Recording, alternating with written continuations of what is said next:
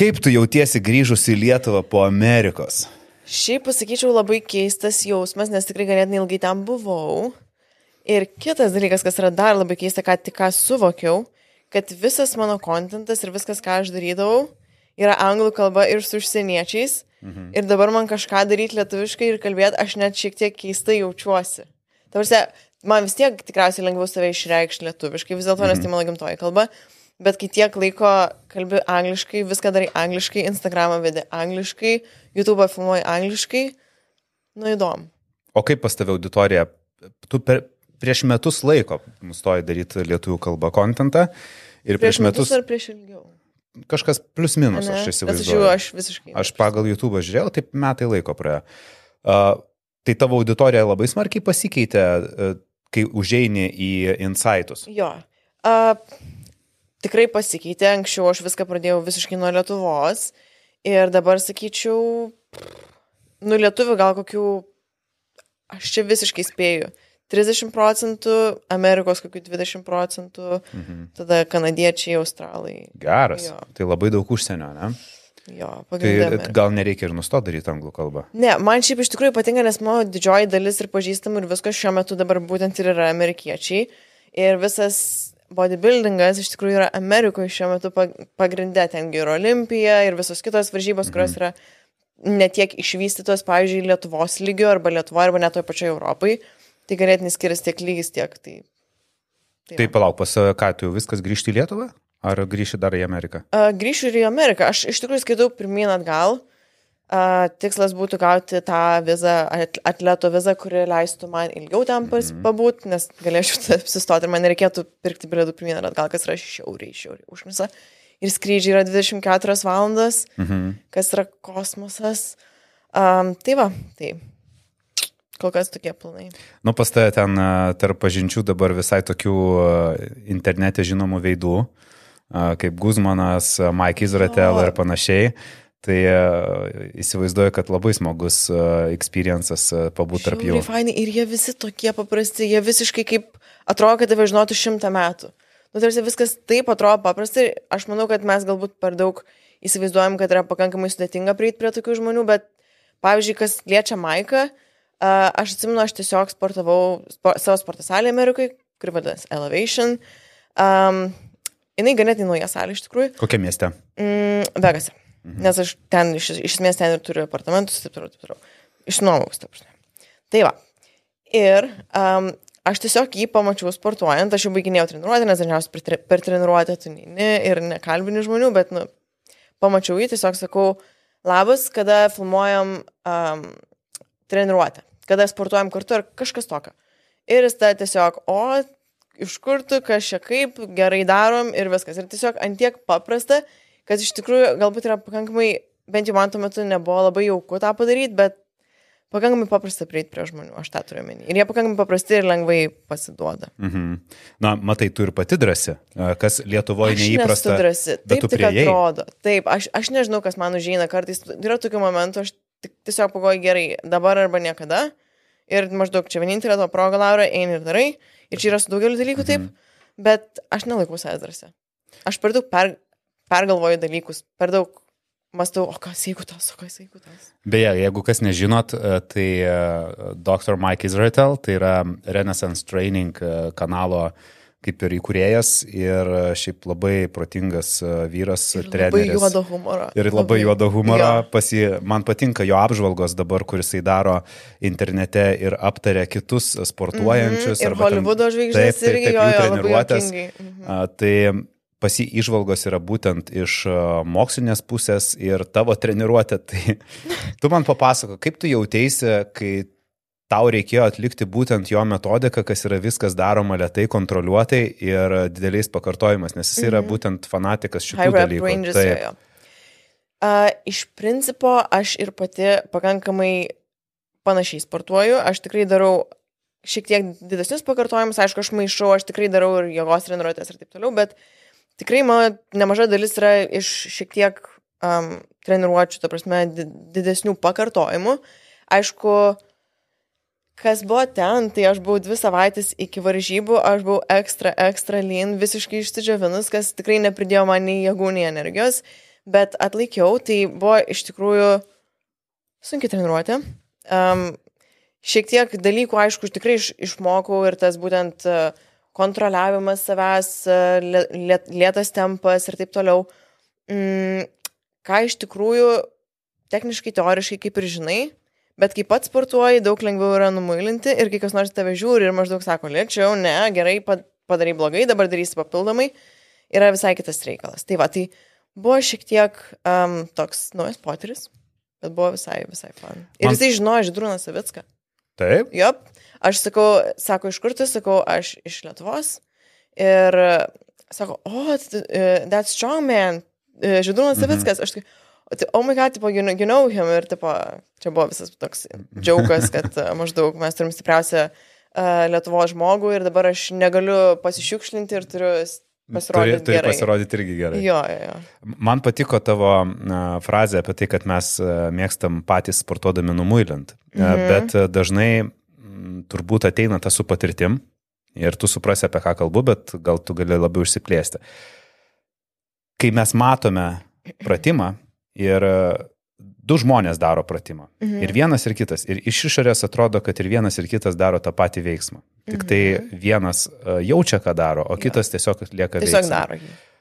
Kaip uh, žmogui, kuris vat, mūsų dabar klauso, suprasti, kur tas skirtumas? Nes būtent ką Maikas ir daro, jisai mhm. bando žmogų pereiti per tą jutimo agoniją. Jo. Kur tu darai veiksmą ir atrodo, kad nu ir kitas daro kojų lenkimą. Bet jo, pas jį kojų lenkimas yra, kur ten...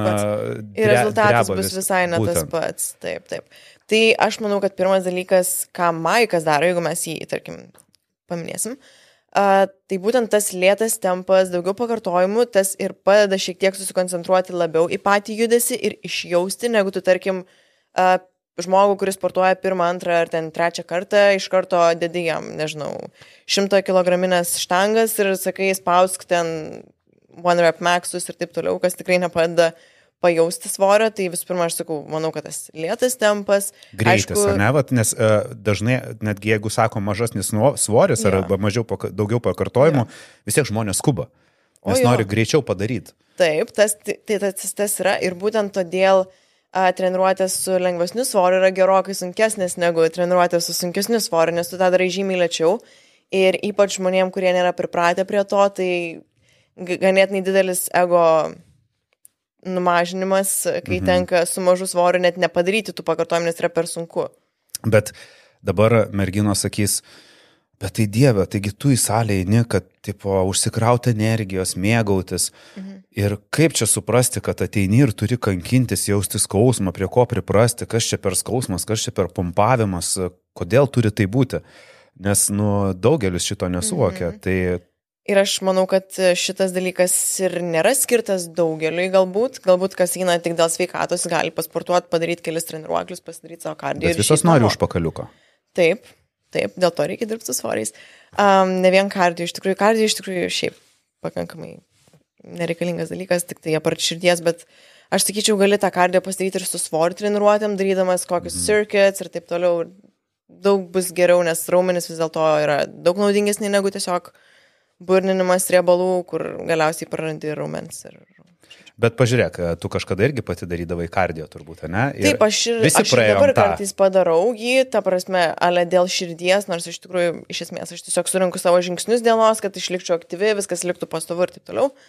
Bet e, jo, visi praėjom tą, tikrai galvojom anksčiau, aš irgi anksčiau galvojau, o vienintelis būdas man numesti svorio tai yra daryti daug, daug, daug kardio. Salė ant takelio ir jo, jo, būtent salė ant takelio, tas pats mūsų mėgstamiausias, įdomiausias kardio ant takelio valandai, ne? ir tikėsi, kad atrodysi gerai, kas rezultate yra, kad atvirkščiai. Mhm. Tu tampi toks skinny fetas, nes žmonės, kurie nedaro svorio arba daro labai minimaliai, arba kaip tu sakei, daro su netaisyklinga technika, belė, kad padaryt, tai čia, žinai, tai tokie rezultatai. Tai va, tai aš sakau, kad jeigu jūs norit, kaip tu minėjai, užpakalio raumenų, užsiaugint kažką, pasidaryti formas kažkokias, tai tikrai prioritetas turi būti svoriam, ne, ne kardio. Nes... Mhm. Forget kardio. Jo, nu, tai prasme, eikit pasivaikščiokit, pakapakit green orų, čia jums bus puikus kardio. Nu, aš pastebėjau, kad turi tais e, eini visą laiką pasivaikščioti. Koks jo. tavo atstumas? Aš neturiu kaip atstumo, aš turiu, aš turiu obsesiją kad... laikrodžiai. Uh, tai aš tiesiog suranku savo dienos žingsnius. Ir, ir kiek tai yra? Anksčiau buvo ganėtinai daug, nes kai rašiausi varžybom vaikščiau žiauriai daug, vien tam, kad tiesiog aš nenorėjau daryti per nelik daug papildomą kardiją, tai aš tiesiog rinkausi, kad mhm. surink dienos eigoje žingsnius. Tai tuo metu, kai rašiausi varžybom, buvo virš 20 tūkstančių per dieną, kas buvo mhm. pakankamai daug. A, šiuo metu aš stengiuosi neviršyti 15 tūkstančių, nes mano prioritetas yra dabar tiesiog raumenis, kadangi aš esu off-season, taip vadinamam, kas nežino, tai raumenų auginimas, ruošiantis varžybom prieš visą tą vadinamą katą, kuomet tu ryškinėsi, dėtinės ir taip toliau. Tai aš stengiuosi koncentruotis būtent į svorį treniruotės, į minimalų kardiją arba jo iš vis nedaryti ir tiesiog rinkti žingsnius ir intensyviai sportuoti. Ką aišku, dabar biškai sunkiau padaryti dėl mano kojas, bet Viskas bus viskas gerai. Bus gerai. Viskas bus gerai. gerai. Keista klausyta, ne, kai vat, žmonės sako, stengiuosi neviršyti 15 tūkstančių žingsnių, jo. kai kiti galvoja, kaip tos 5 tūkstančius surinkti. aš suprantu, kad čia visiškai nerelatable, bet aš tiesiog pakankamai aktyvi, mano Aš šiaip aš labai mėgstu vaikščioti, netgi tie patys uh, postai, idėjos, turinio kūrimas kažkoks. Man ateina geriausios idėjos, kada aš judu ir kada aš vaikštau. Ir aišku, tą galiu padaryti ant takelio, kas irgi padeda saliginai, bet tai ne tas pats, kas vaikščiot laukia. Mhm. Nu, vis tiek kažkaip man ir mintis pradeda, žodžiu, čia ir moksliškai yra tam tikrų dalykų, kad tau pradeda, žodžiu, viskas ten veikti geriau, kai tu judi, taip, o nesėdi prie stalo. Taip. Tai Būtent kai fizinę kažkokią jo. tai e, veiksmą atliekam, smegenys mhm. kur kas labiau dirba. Yep. Bet uh, tu girdėjai naują trendą tik tokią? Mm, aš tik tokią nelabai naudoju. Ne, nenaudoju. Aš klausiau YouTube ir tenai buvo tik tokio iškarpos ir dabar naujas trendas yra silent walking. Oh. Tai reiškia, kad vaikštai nieko neklausydamas. Įsivaizduoju, kai anksčiau mes vaikščiodavome nieko neklausydami ir tai darėm. Mm -hmm. Antiek dabar visi priprato visa, viską daryti su, su ausiniam arba, arba su telefonais, su kažkokiais podcastais ir taip jo. toliau. Tai, kad dabar jau trendas yra tyloje eiti. O, oh, wow, tipo pabūti su savimi ir taip, taip toliau. O tu vaikštai su ausiniam ar tyloje? Su ausiniam tikrai ne. Um, šiaip kartais pasileidžiu podcastą kokį nors, tikrai neslėpsiu. Bet jeigu mano išėjimas vaikščioti yra toksai labiau darbinis, kuomet aš, kaip ir sakiau, rašau ten turinį ar kažkokius postus ar kažkokias idėjas, dėlioju, tada jau be nieko tiesiog telefonas rankai, kas galbūt irgi nėra idealu, nes čia visiškai mintis kažkur kitur. Uh, bet kadangi eina visas tas mano minčių flow, aš ten dažniausiai gaunu geriausias idėjas, tai uh, aš dažniausiai... Iš karto užsirašai? Taip, taip, taip, aš Eidama. dažniausiai netgi nus telefonų ranką, kas galbūt nėra labai saugu, bet aš gatvėms stengiuosi nevaikščioti, aš gyvenu užmesti, tai ten šiek tiek saugiau, ten nėra tokio mašinų strauto. Uh, Uh, bet jo, aš viską užsirašau telefoną. Amerikoje rašau... tenai kažkaip ir šalia gatvių nėra, jie tenai tiesiog per gatves vaikšto mm, rajonuose. Sakyčiau, Amerikoje apšė, atsiprašau. Amerikoje aplamai nelabai kas vaikšto, uh, ten daugiau vairuoja mašinas. Bet, uh, pavyzdžiui, Vegase, aš sakyčiau, Vegasas iš tikrųjų iš visų states, kur aš buvau, jis toks ganėtinai kaimukas netgi. Nu, ten, paka, ten nėra tokių daugia aukščių, kažkokių grandiozinių uh, a, namukai, a, pavyzdžiui, kur mano tas apartamentas yra, apartamentai, nežinau kaip pavadinti. Um, tai iš vis ten toks hikingo spotas pakankamai arti kalnų, ten nežinau, jeigu mašina, tai gal 15 minučių tų aukščiausių kalnų, kur ten žmonės daro tos visus haikus tikrus. Uh, ir ten yra netgi dviračių takai, palmės, labai, labai gražus vaizdai, iš tikrųjų net ežeras šalia yra. Šalia yra. Tai va ten vaikščiai žiūri, žiūri, fain. Ten net takeliai padaryti specialiai uh, žmonėms ir netgi tie uh, tokie lauko treniruokliai, kur tokios kaip supinės, kaip, mhm. nu, tokie, kur nelabai kas naudoja, bet jie yra tiesiog. Tai. Nu, dėl skaičius. Jo, nu, kad... kad ar ar teko jau būti Death Valley? Uh, aš dabar galvoju, negal. Kur, nu, ta karščiausias tas. Uh, Man atrodo, mes nebuvom. Nebuvot? O, oh, my god, nu kaip jis tai. Ne. Eik, so ten toks karštis, ten 5 laipsnių. Mhm. Ten svyla batai, žinau. Oh ten net uh, yra parašyta, net, man atrodo, 2-3 valandos nuo Vegaso. Mhm. Gal pereikim prie sporto ir noriu iš tavęs išgirsti labai konkrečių patarimų merginoms, nes e, manau, kad kas geriau negu tu gali apie tai papasakot. E, tu turi be galo daug patirties tiek asmeniniam sportui, tiek su klientais, ja. tiek savo rezultatais. Ir manau, kad labiausiai dominanti tema tai yra tai, kur tu esi stipri, mhm. tai kaip užauginti sėdmenis.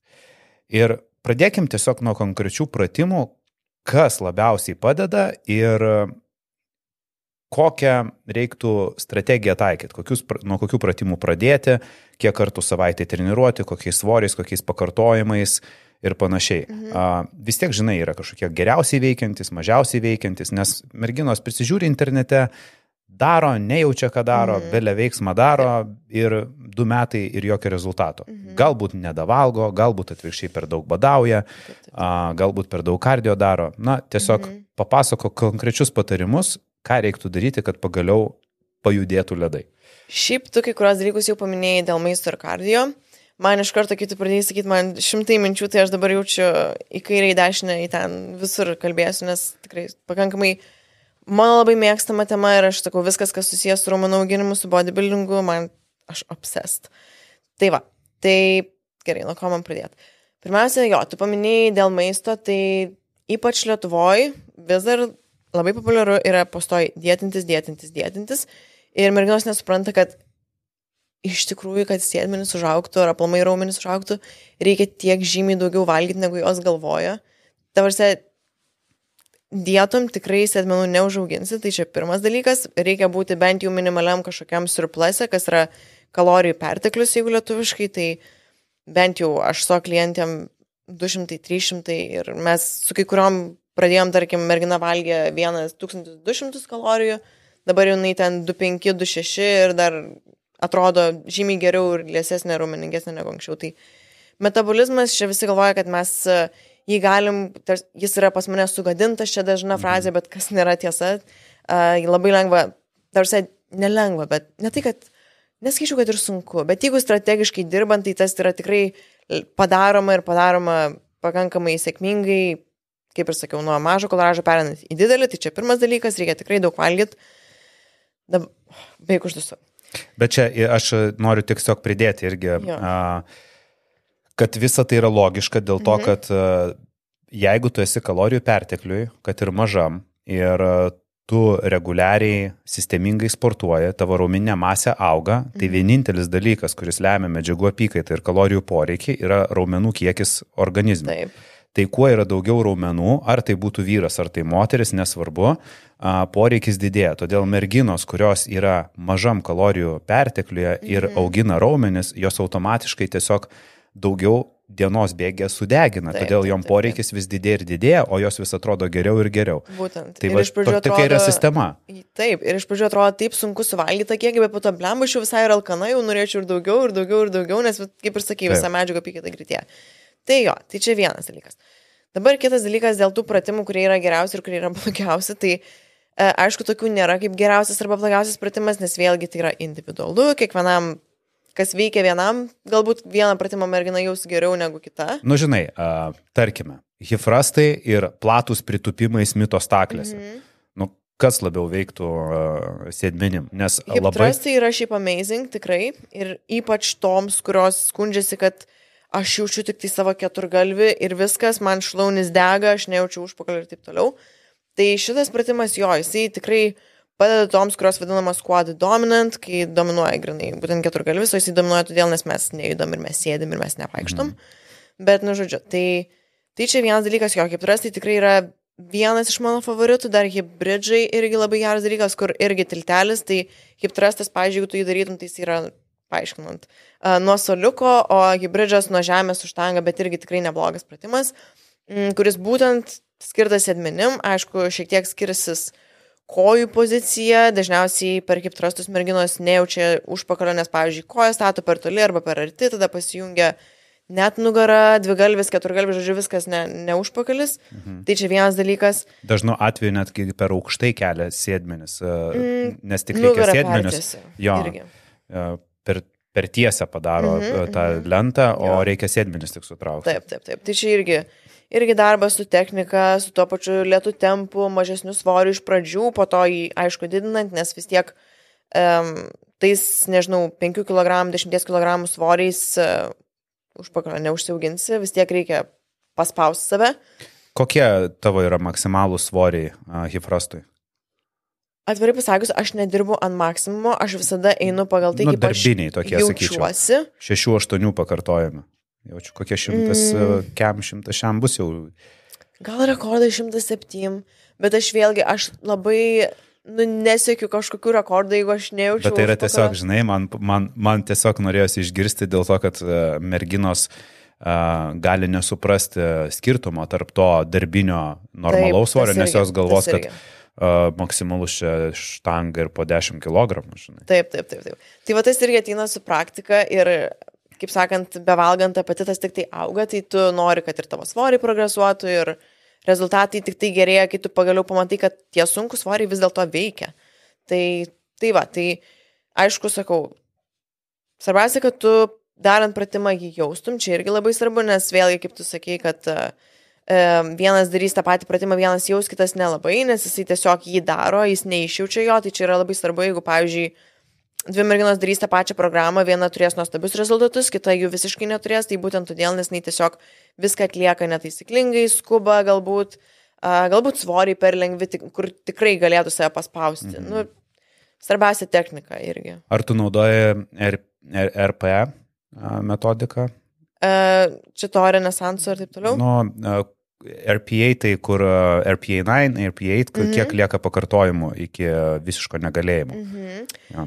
Jo, šiaip aš mėgstu pabaigoje savo setų, pavyzdžiui, įterpti kokius nors drop setus, rest post setus, tokius intensyvumą šiek tiek padidinančius, kur tokiam, kaip aš sakau, visiškai dasimušimui, nors da prieš dalis lietuvių kalboje nenaudojamas, bet dasimušimui. Uh, tai va, tai tokius aš labai mėgstu iš tikrųjų ir tas padeda netgi tarkim, jeigu pradedančioji mergina, jai tikrai šito nereikia, jai užtenka padaryti, tarkim, tris serijas, keturias serijas iki, nu, tikrai pakankamai stipriai save paspausti, jai nereikia tų intensity techniques dadėti, bet kuomet mes norim pereiti į kitą lygį ir, tarkim, progresas šiek tiek sulėtėja, tai pridėti tas intensity kažkokias technikas, kaip sakau, supersetai, trisetai, dropsetai, respozai ir visokie šitokie.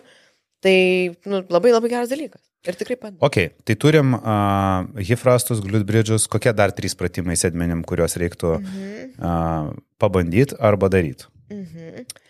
Šiaip m, pritupimai tikrai geras dalykas, ypač jeigu atliekami teis, teisingai ir tu jau sugebi pajausti sėdmenis, nes vėlgi daž, dažnas merginų complaint yra, kad uh, aš jaučiu tik keturgalvį, aš nejaučiu užpakalio, tai čia irgi ateina su technika, su darbu, galbūt galima su kažkokiam gumom pradėti dirbti.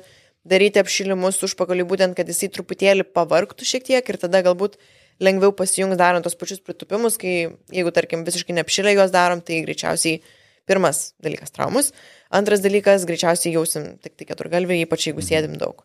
Tai šitas dar man patinka. A, beje, su pritupimais ir sėdmenim uh -huh. labai gerai veikia uh, Mind Muscle Connection galvoti apie tai, kad tu kyli iš kulno mhm. ir iš karto suspaudinėjai sėdmenis. Tas irgi padeda svorį šiek tiek į kulnus. Jo, jo dar kojų poziciją galima pakelti šiek tiek kojas ant tam tikrų pakilų. Pavyzdžiui, aš asmeniškai tiesiog su štanga man nelabai patinka. Aš dievinu pendulum squad, bet jo Lietuvoje nėra pas mus. Mhm. Tai kai užsienė aš prieinu prie šitos mašinos, čia yra... Pff, wow. Bet tą galima daryti hack squat'e irgi apsisukus labai faini pritupimai. Žiūrėti į patį treniruoklį. Taip, ne? atvirkščiai negu darytum keturgalvį, tiesiog persisuki ir šitie amazing yra užpakaliui. Uh, Smito staklėse irgi labai neblogai, nes ten mes esame gerokai stabilesni ir techniškai galim išspausti šiek tiek daugiau svorio negu, tarkim, Smit... su laisva štanga. O kaip smito staklėse stotum sėdmenim? Mm, aš asmeniškai dažniausiai rekomenduoju stot gal pečių plotyje arba šiek tiek plačiau negu pečiai. Aš tų sumo labai stipriai netgi nedarau, nes jie šiek tiek veikia, aišku, kas nėra blogai, bet ir e, šlaunų vidų, tai mhm. sėdmenim, sakyčiau, šiek tiek plačiau negu pečiai, kojas truputėlį šalis. E, sakau, galima netgi truputėlį pasikelti tas pirštus, kad grinai eitų į kulnus, jeigu labai sunku pajausti. Um, bet jo smitos staklis iš tikrųjų yra irgi vienas geresnių variantų, ypač, aišku, nesakau, kad nereikia dirbti su štanga, nes tas irgi labai naudinga. Uh, visam kūnui, mm, bet, bet pritupimai. O kaip tie visi izolaciniai pratimai, žinai, mhm. atvedimai su ten, su cable, su virve, mhm. staklėse ir panašiai. Ir tik tie kickbackai labiau. Kickbackai ir taip toliau. Ar tu jiems duodi didelės reikšmės, ar vis dėlto duodi didesnę reikšmę tiem pratimam, kuriuos išvardinai ir jau jeigu yra nuotaika, dasimuš ir taip užpumpuoja tais pratimais, -hmm. Ar pavyzdžiui, jie irgi yra labai naudingi? Nes Šiaip daugelis sakyčiau... vengia bazinių pratimų ir tik tai dirba su šitais. Ne, čia yra blogiausias variantas. Jeigu tu vengi bazinių pratimų, tu sėdmenų neužauginsi niekaip. Uh, bet uh, šiaip visi šitie accessories pratimai, kaip kickbackai, hip abductions, tose mašinos ir toliau, šiaip jie yra labai labai geri ir jie tinka tiek tam dasimušimui, tiek apšilimui, tiek galbūt į supersetus įtraukti, bet tai neturėtų būti pats pagrindas treniruotės ir savo jėgas geriau taupyti tiem baziniam, sunkiem, techniškai geriem pratimam. Tokie, vat, kaip sakiau, pritupimai, mhm. kaip trastai, galiausiai romėniški nusilenkimai su štanga irgi amazing dalykas. Uh, sumo deadlifts irgi visai, visai neblogas pratimas, jeigu atliekamas taisyklingai, bet jisai galbūt šiek tiek sunkesnis. Uh, tai va, tai bazė vis dėlto yra bazė, bet visi accessories tikrai taip. Ypač jeigu, tarkim, ruošiamės varžybom, ryškinamės ir mes norim tų detalių išdirbimo, tai tada jau tikrai bazė galbūt off-seasonui tikrai visiškai pagrindas, bet kai ruošiesi, kai ryškinėsi, kai kažkokias formas mhm. atlieki tą sculpting, tai jie tikrai, nu, jie labai naudingi. O kaip dažnai sėdmenis treniruoti? Mm, aš, kadangi esu crazy ir obsessed, tai uh, 3-4 kartus pas mane apgaudavosi per savaitę, dabar 3, nes kaip ir sakiau, stengiuosi nepersitreniruoti, kad uh, tikrai viskas recoverantis gerai. Bet kai varžybom ruošiesi, tai pakankamai daug, kartais tekdavo netgi jungti, tarkim, sėdmenis su pečiais, uh, tą papildomą ketvirtą dieną, tai ta ketvirta diena jinai nebūdavo kažkokia ekstra glute focus, bet tikrai buvo mm, pratimų sėdmenim. Tai va, tai šiaip trys kartai pas mane jau seniai, nežinau, metai iš metų, nu gerai, metai iš metų, ką aš sakau. Kokie keli metai, aš taip mhm. pat sportuoju. Ja. Ir čia geriausią rezultatą tą pajautai. Mhm. Aš esu... Nes pas tave tikrai, pagal tai, ką mačiau nuotraukose jo. ir uh, iš varžybų, tai tavo sėdmenų uh, forma per paskutinius mhm. porą metų nu, ženkliai pasikeitė. Taip, taip.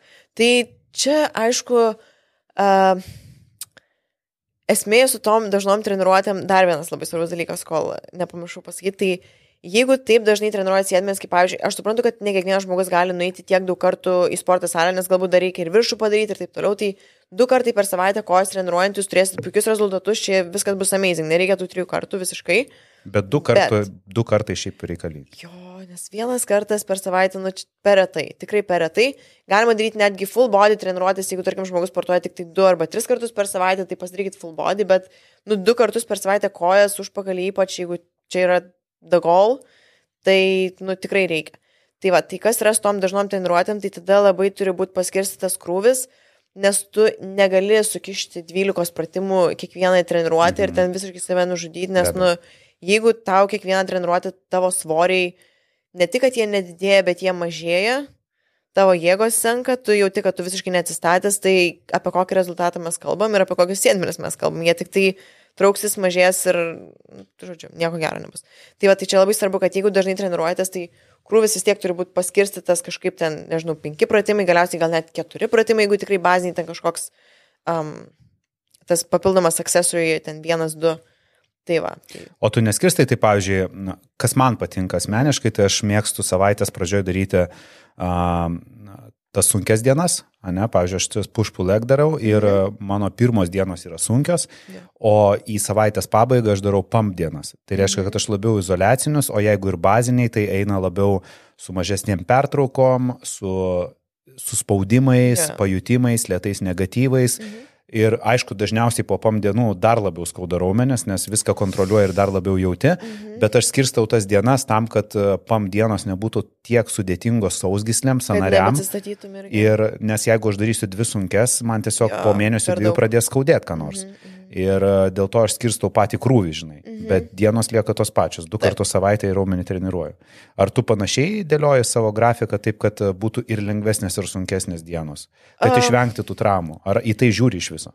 Ne, tai aišku, kad stengiasi tą krūvį paskirstyti, bet aš taip, kad intenciškai specialiai uh, dėliočiau, kad va šiandien tą dieną pas mane bus labai lengva treniruoti, tą dieną bus labai sunki, tai tikrai nėra. Uh, galbūt tai būtų protinga daryti, bet aš šiek tiek kitaip vadovaujuosi. Aš bent jau klientėm, čia kitas reikalas, mes kiekvieną individualiai ir paskirstom pagal tai, kaip jinai jaučiasi ir koks žmogus yra, kaip, kiek ilgai sportuoja ir taip toliau. Bet kas liečia mane, kadangi aš tiek ilgai tą darau, aš turiu tokį gerą savo kūno mhm. pajūtimą, kad aš jau atsikėlu, žinau, ar aš šiandien turėsiu daug jėgų treniruotėjai ir ar aš šiandien darau sunkia treniruotę, ar aš galbūt esu persidirbus, neatsistačius, nedamegojus ar dar kažkas. Ir šiandien galbūt darysiu tą vat pump tokia šiek tiek lengvesnė, galbūt mažesnis svoriai, bet daugiau pakartojimų. E, gal pratimus šiek tiek pasimodifikuosiu, nes tą dieną jaučiu, kad galbūt man labiau patiks daryti, tarkim, hip trustus, nežinau, kaip nors plačiai, ar ten dar kaip nors kitą dieną, dar kaip nors kitaip. Nu, žodžiu, tai čia grinai kūno Nu, tu turėjai jau, žinai, tu turėjai jau patirtį ir tu jau Taip. jauti, kaip tu nori daryti. Taip, taip, taip. A, Internete labai daug yra mm, tokių, sakyčiau, a, priešiškų komentarų tau apie tavo sėdmenis, kad pas tavai yra butt implants ir tu pati tai dalinaisi, kodėl? pati tai istorijais dalinaisi ir panašiai. Iš kur tai atsirado iš viso, kaip tas, nes komentarų labai daug. Mhm, žiauri daug ir aš nesuprantu, nes iš tikrųjų aš tą video įkėliau prieš kurį laiką. E, Čia buvo Reelsas, kurį aš padariau ir ką aš ten parašiau. Kad... e, Ai, kad maždaug aš maniau, e, ten video, kur aš ruošiuos varžybom, ten man atrodo dvi ar vieną savaitę iki jų, aš žiauriai, žiauriai lint, kas yra beveik zero, labai mažai body fat ant manęs. Ir tada natūraliai, aišku, tavo kūnas atrodo crazy paprastiems žmonėms, ten viskas atsiskyrė, pas mane, kadangi užpakalis pakankamai didelis ir išdirbtas, tai tas raumo visiškai atsiskyręs nuo kojas ir galbūt tam video atrodė dar labiau crazy ir tada žmonės tiesiog, žiūri, aš tas video pradėjo rinkti viewsus, pradėjo rinkti kažkokius komentarus. Um, dabar jūs ten virš 3 milijonų peržiūrų ir žmonės Wow. vis dar komentuoja, kad oh my god, tu taip sugadinai savo figūrą, kam tu įsidėjai tuos implantus, taip neproporcinga. ir aš iš pradžių taip susiparinau, galvoju, negi jie tikrai taip galvoja, bet dabar iš kitos pusės, jeigu mano užpakalis atrodo kaip implantai, gal aš kažką gerai darau, nes jis vis dėlto auga. Nu toksai, tavarse, nežinau, aš nežinau, kodėl žmonės mano, kad ten implantai. Blogi Nuoširdžiai. komentarai tai yra kaip ir teigiamas dalykas, nes kažką darai gerai. Jo, kažką darai gerai, bet man vis tiek, man vis tiek yra vis dar protų nesuvokiama, kaip galima galvoti, kad ten implantai. Nes jeigu jūs žiūrėtumėte į mano Instagram ir pasižiūrėtumėte tą video, tas, kas sportuoja ir kas užsiema bodybuildingu, nu, nu tikrai supras, kad ten raumuo. Nu, nu, aš nežinau. Aš, aš nuožiai, aš neturiu daug komentarų šitam video, nes mane tiesiog pačią vis dar šokiruoja ir aš vis dar gaunu tos komentarus. Netgi čia einant aš matau maždaug, oh my god, girl, your glutes look crazy. Why? Matai, this?" e, visą laiką, jeigu kažkas žmonės mato tai, ko patiems nepavyksta pasiekti, yra šiek tiek keista, nes, nu, tai atrodo netikra, žinai. Mhm. A, kaip yra su dideliais svoriais? Žinai šitą turbūt, ne, kad moteris bijo visą laiką kelti didelius svorius, Ypač nes... Lietuvoj. Yp, ypač Lietuvoje. Bet tikrai mes kažkaip Lietuvoje gyvenam Jo. kažkokioj dar um, in, Burbuliukė. informacijos uh, bade kažkokiam, žinai, mes, labai keista, mes, labai ne, keista. mes kol kas turbūt informaciškai esam neišsilavinę sporto prasme, Mhm. nes uh, kai tu sakė apie tas bado dietas, apie Jo. tos nedavalgymus, Jo. tai dar patys treneriai taiko tokias sistemas ir to, tokius uh, Didžioji dalis. principus uh, savo klientam ir netgi tiem, kurie dalyvauja varžybose. Ir po to tos merginos ten šala, dreba, uh, jėgų neturi, žinai, Raumenų, nei raumenų lieka, nei, nei riebalo lieka, žodžiu, bet, bet sulieknėja. Bet sulieknėja ir, svorio numeta. jo, ir jom čia yra rezultatas, Apimtys nors, sumažėja. nors iš tikrųjų nu, jau turėtų tai keistis. Tai daugelis merginų a, bijo kelti didelius svorius Mhm. tik dėl to, kad galvoja, jog jos Taps pasidarys vyriškos. Kaip, kaip tu netapai tokia vyriška? Aš nežinau, aš beveik dešimt metų stengiuosi tapti tokia ir man niekaip nepavyksta, aš tampau tos svorius ir niekaip neišeina užsiaugintų halko dydžio raumenų. Nes pa, pagal į tave pasižiūrėjus atrodo, kad tu Aš- tam toj sofai tiesiog paskendai. Aš kai atsisėdau, aš taip ir pasakiau, gal maždaug jo, čia aš skęstu tai. Ir tai yra mergina, kuri daro hifrastus su 170 kg. Merginos, ar jūs girdit? Tiesiog, jo, va čia ir yra tas dalykas, kad mes gyvenam ypač Lietuvoje tokiam burbuliukai ir vis dar tikim, kad e, vienintelis, čia iš tikrųjų, aš kaip manau, aš manau, kad čia yra dalis marketingo, maždaug merginom reikia tik kardio treniruotės, lengvi tie svareliai po 2-3 kg, maždaug kaip, nežinau, čia buvo 90s ar kas ten tie, kur šakinės, kaip tie dalykai vadinasi, kur ant galvos tie raiščiai, žodžiu, nu, tie visi tokie- 70-ųjų tos gimnastikos jo, jo, tie visokios ten. tokie, nu, nu, nu. Mankštos, taip. Tai va, jaučiu nuo tada išpopuliarėjo ir tada visi, kad čia merginom svoriai, ne, ne, ne, jūs čia imkite savo rožinius anteliukus ir po 2 kg ir ten darykit kardio ir kažką. Tai gal nuo to laiko, kad čia maždaug nemoteriška yra kelti tos svorius, kas iš tikrųjų aš manau, kad kaip tik labai moteriška ir tu jauties labai confident ir, žodžiu, viskas tik gerėja, tai reikia svorius kilnoti sunkius. Um, ir koks dabar buvo toliau klausimas? Kaip, kaip netapai vyriška tokia su Netapau. tokiais dideliais svoriais? Gal man nelemta, gal aš neturiu genetikos, aš nežinau. Ne, nu iš tikrųjų tiesiog moteris net hormoniškai neturi tiek testosterono, kad pas ją užauktų uh, raumenis kaip pas vyrą visų pirma. Uh, pas mus genetika yra kitokia. Uh, raumenis taip greit neauga, kas yra labai gaila. Netgi su vyrišku testosteronu, merginos, mes vyrai stengiamės. Labai sudėtinga. Metų metus einame ir Valgai, keliam tos svorius, valgom laiku. ir, ir viską Jo. darom ir nu niekaip nepavyksta užaukti ir aš nesuprantu. Jo.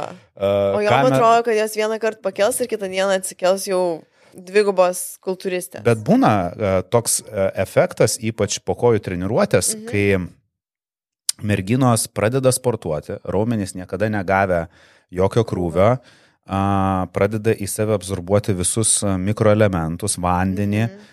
baltymus ir pas merginas pastambėja kojos ir jos dėl to išsigasta mhm. ir galvoja, kad čia užaugo jau raumenys. Ir dabar jeigu jos taip sportuos ir treniruos kojos, tai jos darysis tik stambesnės. Ir tas vizualinis efektas jas išgąsdina. pakėlus koloražą, kuomet pakeliam, tarkim, angliavandenius ir tas glikogenas raumenis prisipildo ir tada jom atrodo, kad, oh my god, aš jau tapau ten massive ir mano raumenis čia užaugo ir taip toliau, kas yra visiškai netiesa. Tai pirmas dalykas, dar jeigu turim šiek tiek riebalinio audinio, tai tada kojas tikrai atrodys šiek tiek stambesnės, kai jis užsipompuoja raumuo, bet e, su laiku duoti organizmui priprasti, neskubėti dėtintis, palaikyti tą būtent, kaip ir sakau, tą surplus, neišsigasti galbūt didesnių skaičių, ar kad aš ten truputėlį pilnesnė atrodo, ar ten po treniruotės ten raumuo patins, tai aš, o my god, aš jau man užaugo raumenis, tai kitą dieną atsikelsit iš ryto ir niekur nieko nebus tų raumenų. Greičiausiai ir vakare, jeigu ryte Nu, sportuosit, jau vakare. Tarkim, jo, greit. Nes, nes, žinai, mes vyrai labai norėtume, kad mūsų kūnas taip atrodytų visą dieną kaip po treniruotės. Aš irgi norėčiau. Kur tas pampas dinksta? Kodėl? Jis labai greitai. Dėl to geriausios nuotraukos yra vat, sporto salėje, po sporto, po treniruotės, kai esi pumped. Ilgą laiką esi labai liekna.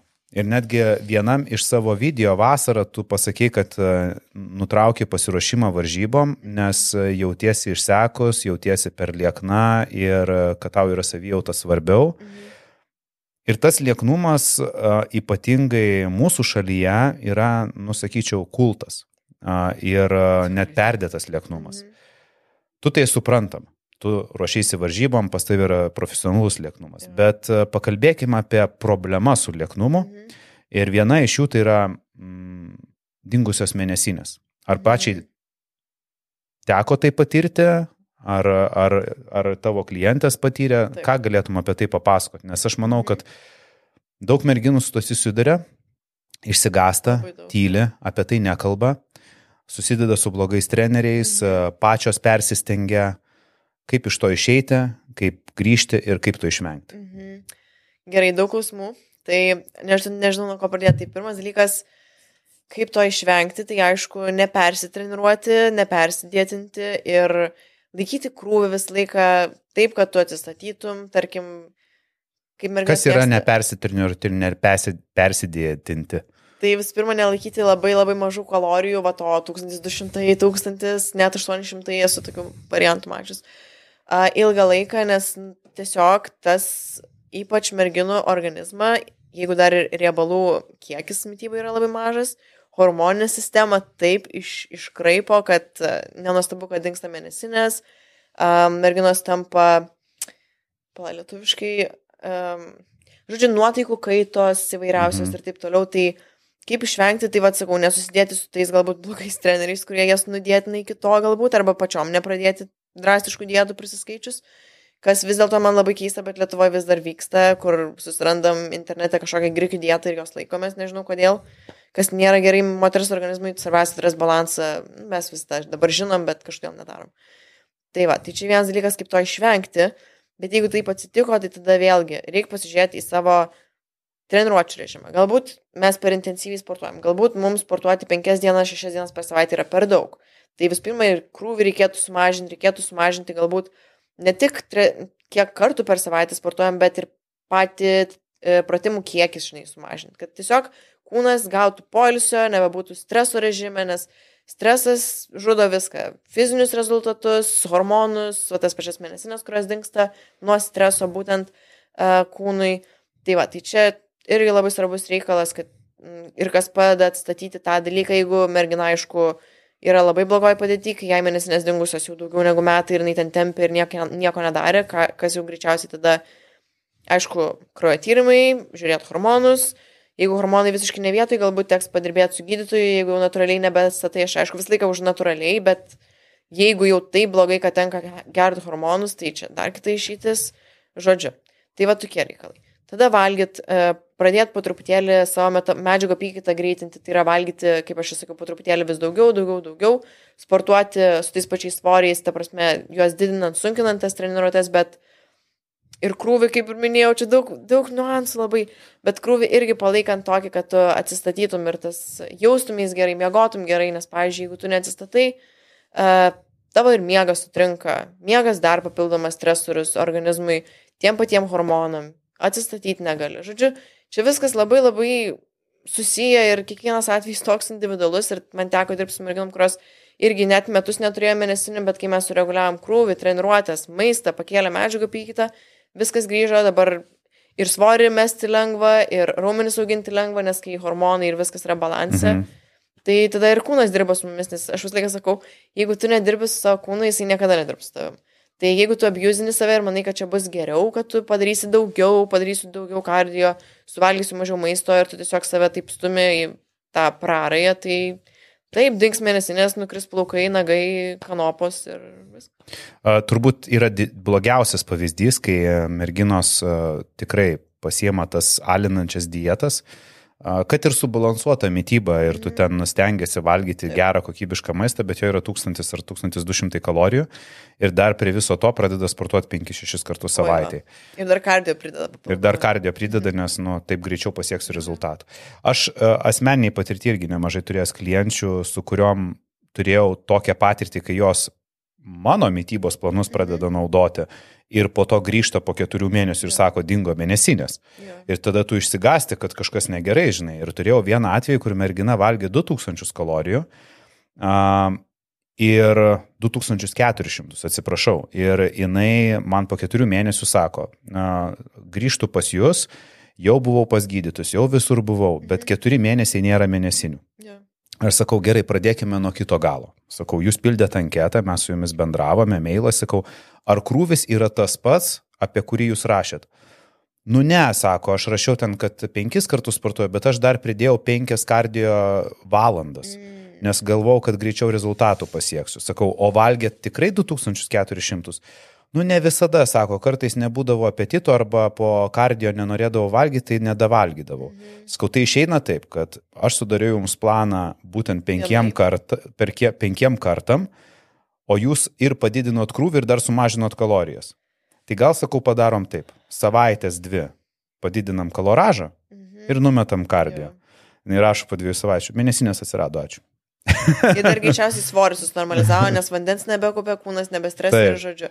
Jo, tai va čia tas dalykas. Ir net su tais planais, tarkim, kuomet sudarai žmogui planą, ką aš irgi darau, bet jeigu tu tą žmogų paliksi su tuo pačiu planu, nežinau, 3 mėnesius, 4 mėnesius ir taip toliau, juk natūralu, kad priklausomai nuo rezultatų, nuo tavo organizmo būklės, vis tiek tas koloražas kis ir laikyti tą kažkokį mažą deficitą negali taip ilgai. Tu vis tiek varijuoji pagal tai, kokiam tu etape esi, galbūt dabar mes pasikeliam tą koloražą, duodam medžiagų apykaitai kažkokį tai E, poilsį, žodžiu, ir vėl tada numažinam ir toliau metam tą svorį iki mūsų norimo kažkokio golo. Tai čia vienas dalykas, bet aišku, tą padaryti yra sudėtinga, kuomet tu tiesiog sudarai žmogui planą ir tu su juo nedirbi. Bet jeigu, pavyzdžiui, tu su juo dirbi, nu, tarkim, aš darau online coaching, kai tu gali prižiūrėti visą tą procesą, tai tą padaryti daug paprasčiau. Jeigu, jeigu žmonės nori būti prižiūrimi, nes yra nes daug žmonių, nori, daug žmonių, kurie nusiperka paslaugą, jo. bet e, nerespondina. Jie jo. visiškai neatsako į laiškus, pavyzdžiui, neduoda feedbacko, dinksta jo. E, ir tada grįžta po 3-4 mėnesių, žinai, nes yra ir mhm. tokių žmonių. Ne, tai aišku, bet vienetai, kurie uh, bendrauja, su kuriais tu vedi kontaktą jo. ir tą online coaching, aišku, jie ir tada geresnių rezultatų tai pasiekia, nes yra... Re, čia, Čia Bet ne kiekvienas pastovus darbas. Tai čia irgi taip, dalykas. Taip, taip, nes nu, nereikia pamiršti, kad uh, planą sudaryti yra viena kaina, bet jo. dirbti su klientu kiekvieną savaitę, Taip, taip, kiekvieną visai dieną kainuoja papildomai, o Taip. žmonės nenori investuoti į tai, nes Nenori. galvoja, kad planas vienas... Noriu auksinio plano, metam. kuris viskam, jo, viską padarys. turbūt ir tu dažnai gauni klausimą, kuriam laikui sudarot planą. Jo, jo, jo, visą laiką. Ir tame ir yra esmė, nes, nu, galbūt užtenka padirbti, tarkim, su tuo treneriu, kuris tau sudarė planą, tau nebūtina su juo dirbti amžinai, bet tau labai nauda būtų padirbti su juo, tarkim, mėnesį, du, tris, aš iš tikrųjų darau minimalų laikotarpį trijų mėnesių, nes aš nemanau, kad per kelias savaitės žmogus išmoks, bet tada tu tą žmogų laisvai gali paleisti ir jisai išmoksta, kaip tą maistą dėlioti, kaip galbūt uh, elgtis, uh, kaip padidinti koloražą, kaip jį sumažinti, kada jį padidinti, kada jį sumažinti. Ir jis tada tiesiog jausis daug laisviau pačiam gyvenime, nebus pririštas prie kažkokių, va dabar tu valgai brokolį, vištieną ir truputėlį ryžių. Jis nebebus pri- pririštas prie to.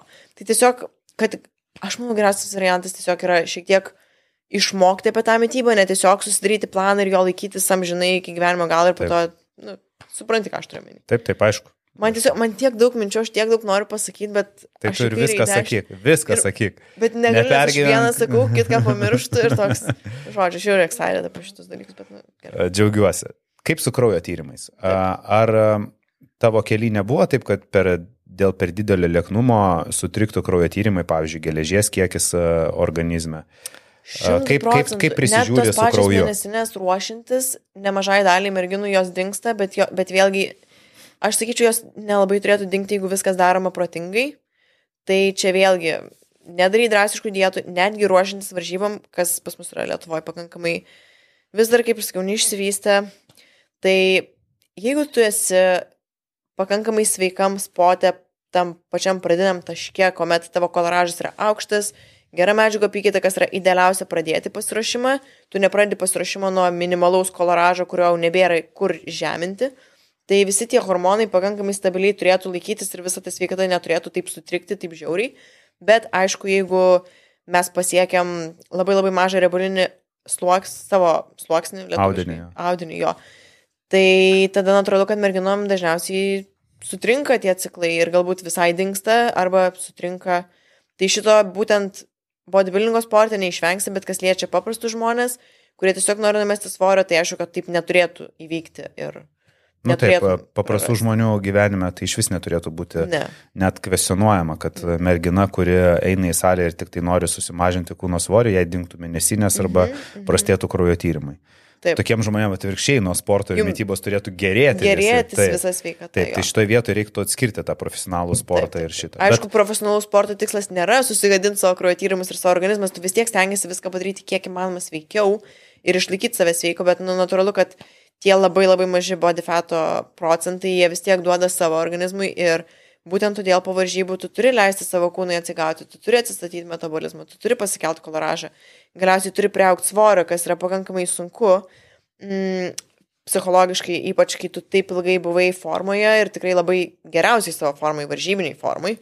Ir po to matyti, kaip tu regresuoji savo akise, e, kai tau tenka priaukti svorio, kas, aišku, normaliam žmogui vėlgi atrodys, ką jinai kalba, ji atrodo geriau negu ten, nežinau, beveik visi pasaulio žmonės, ji ten labai liesa ir taip toliau, bet kadangi tu save matai tokį liesą, tokį raumeningą ilgą laiką, tai matyti, kaip tu priaugi svorio, psichologiškai yra pakankamai sunku, bet tai yra neišvengiama šitų sporto dalis ir jinai yra būtina, jeigu mes norim išlikti sveiki, norim ilgai būti šitam sportui ir norim patobulinti savo formas ir užsiauginti tų raumenų.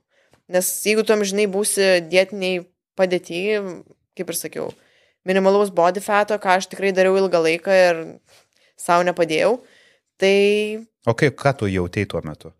Mm, Kod- daug dalykų, iš tikrųjų, aš, aš tikrai neapsiminėsiu, kad aš čia ideali ir aš nedarau tų klaidų, nes viskas, ką aš kalbu, iš esmės yra iš mano patirties arba mano klientų patirties, tai aš žiauriai daug klydau, aš, aš kaip ir sakiau, Kokios laik, yra tavo didžiausios klaidos?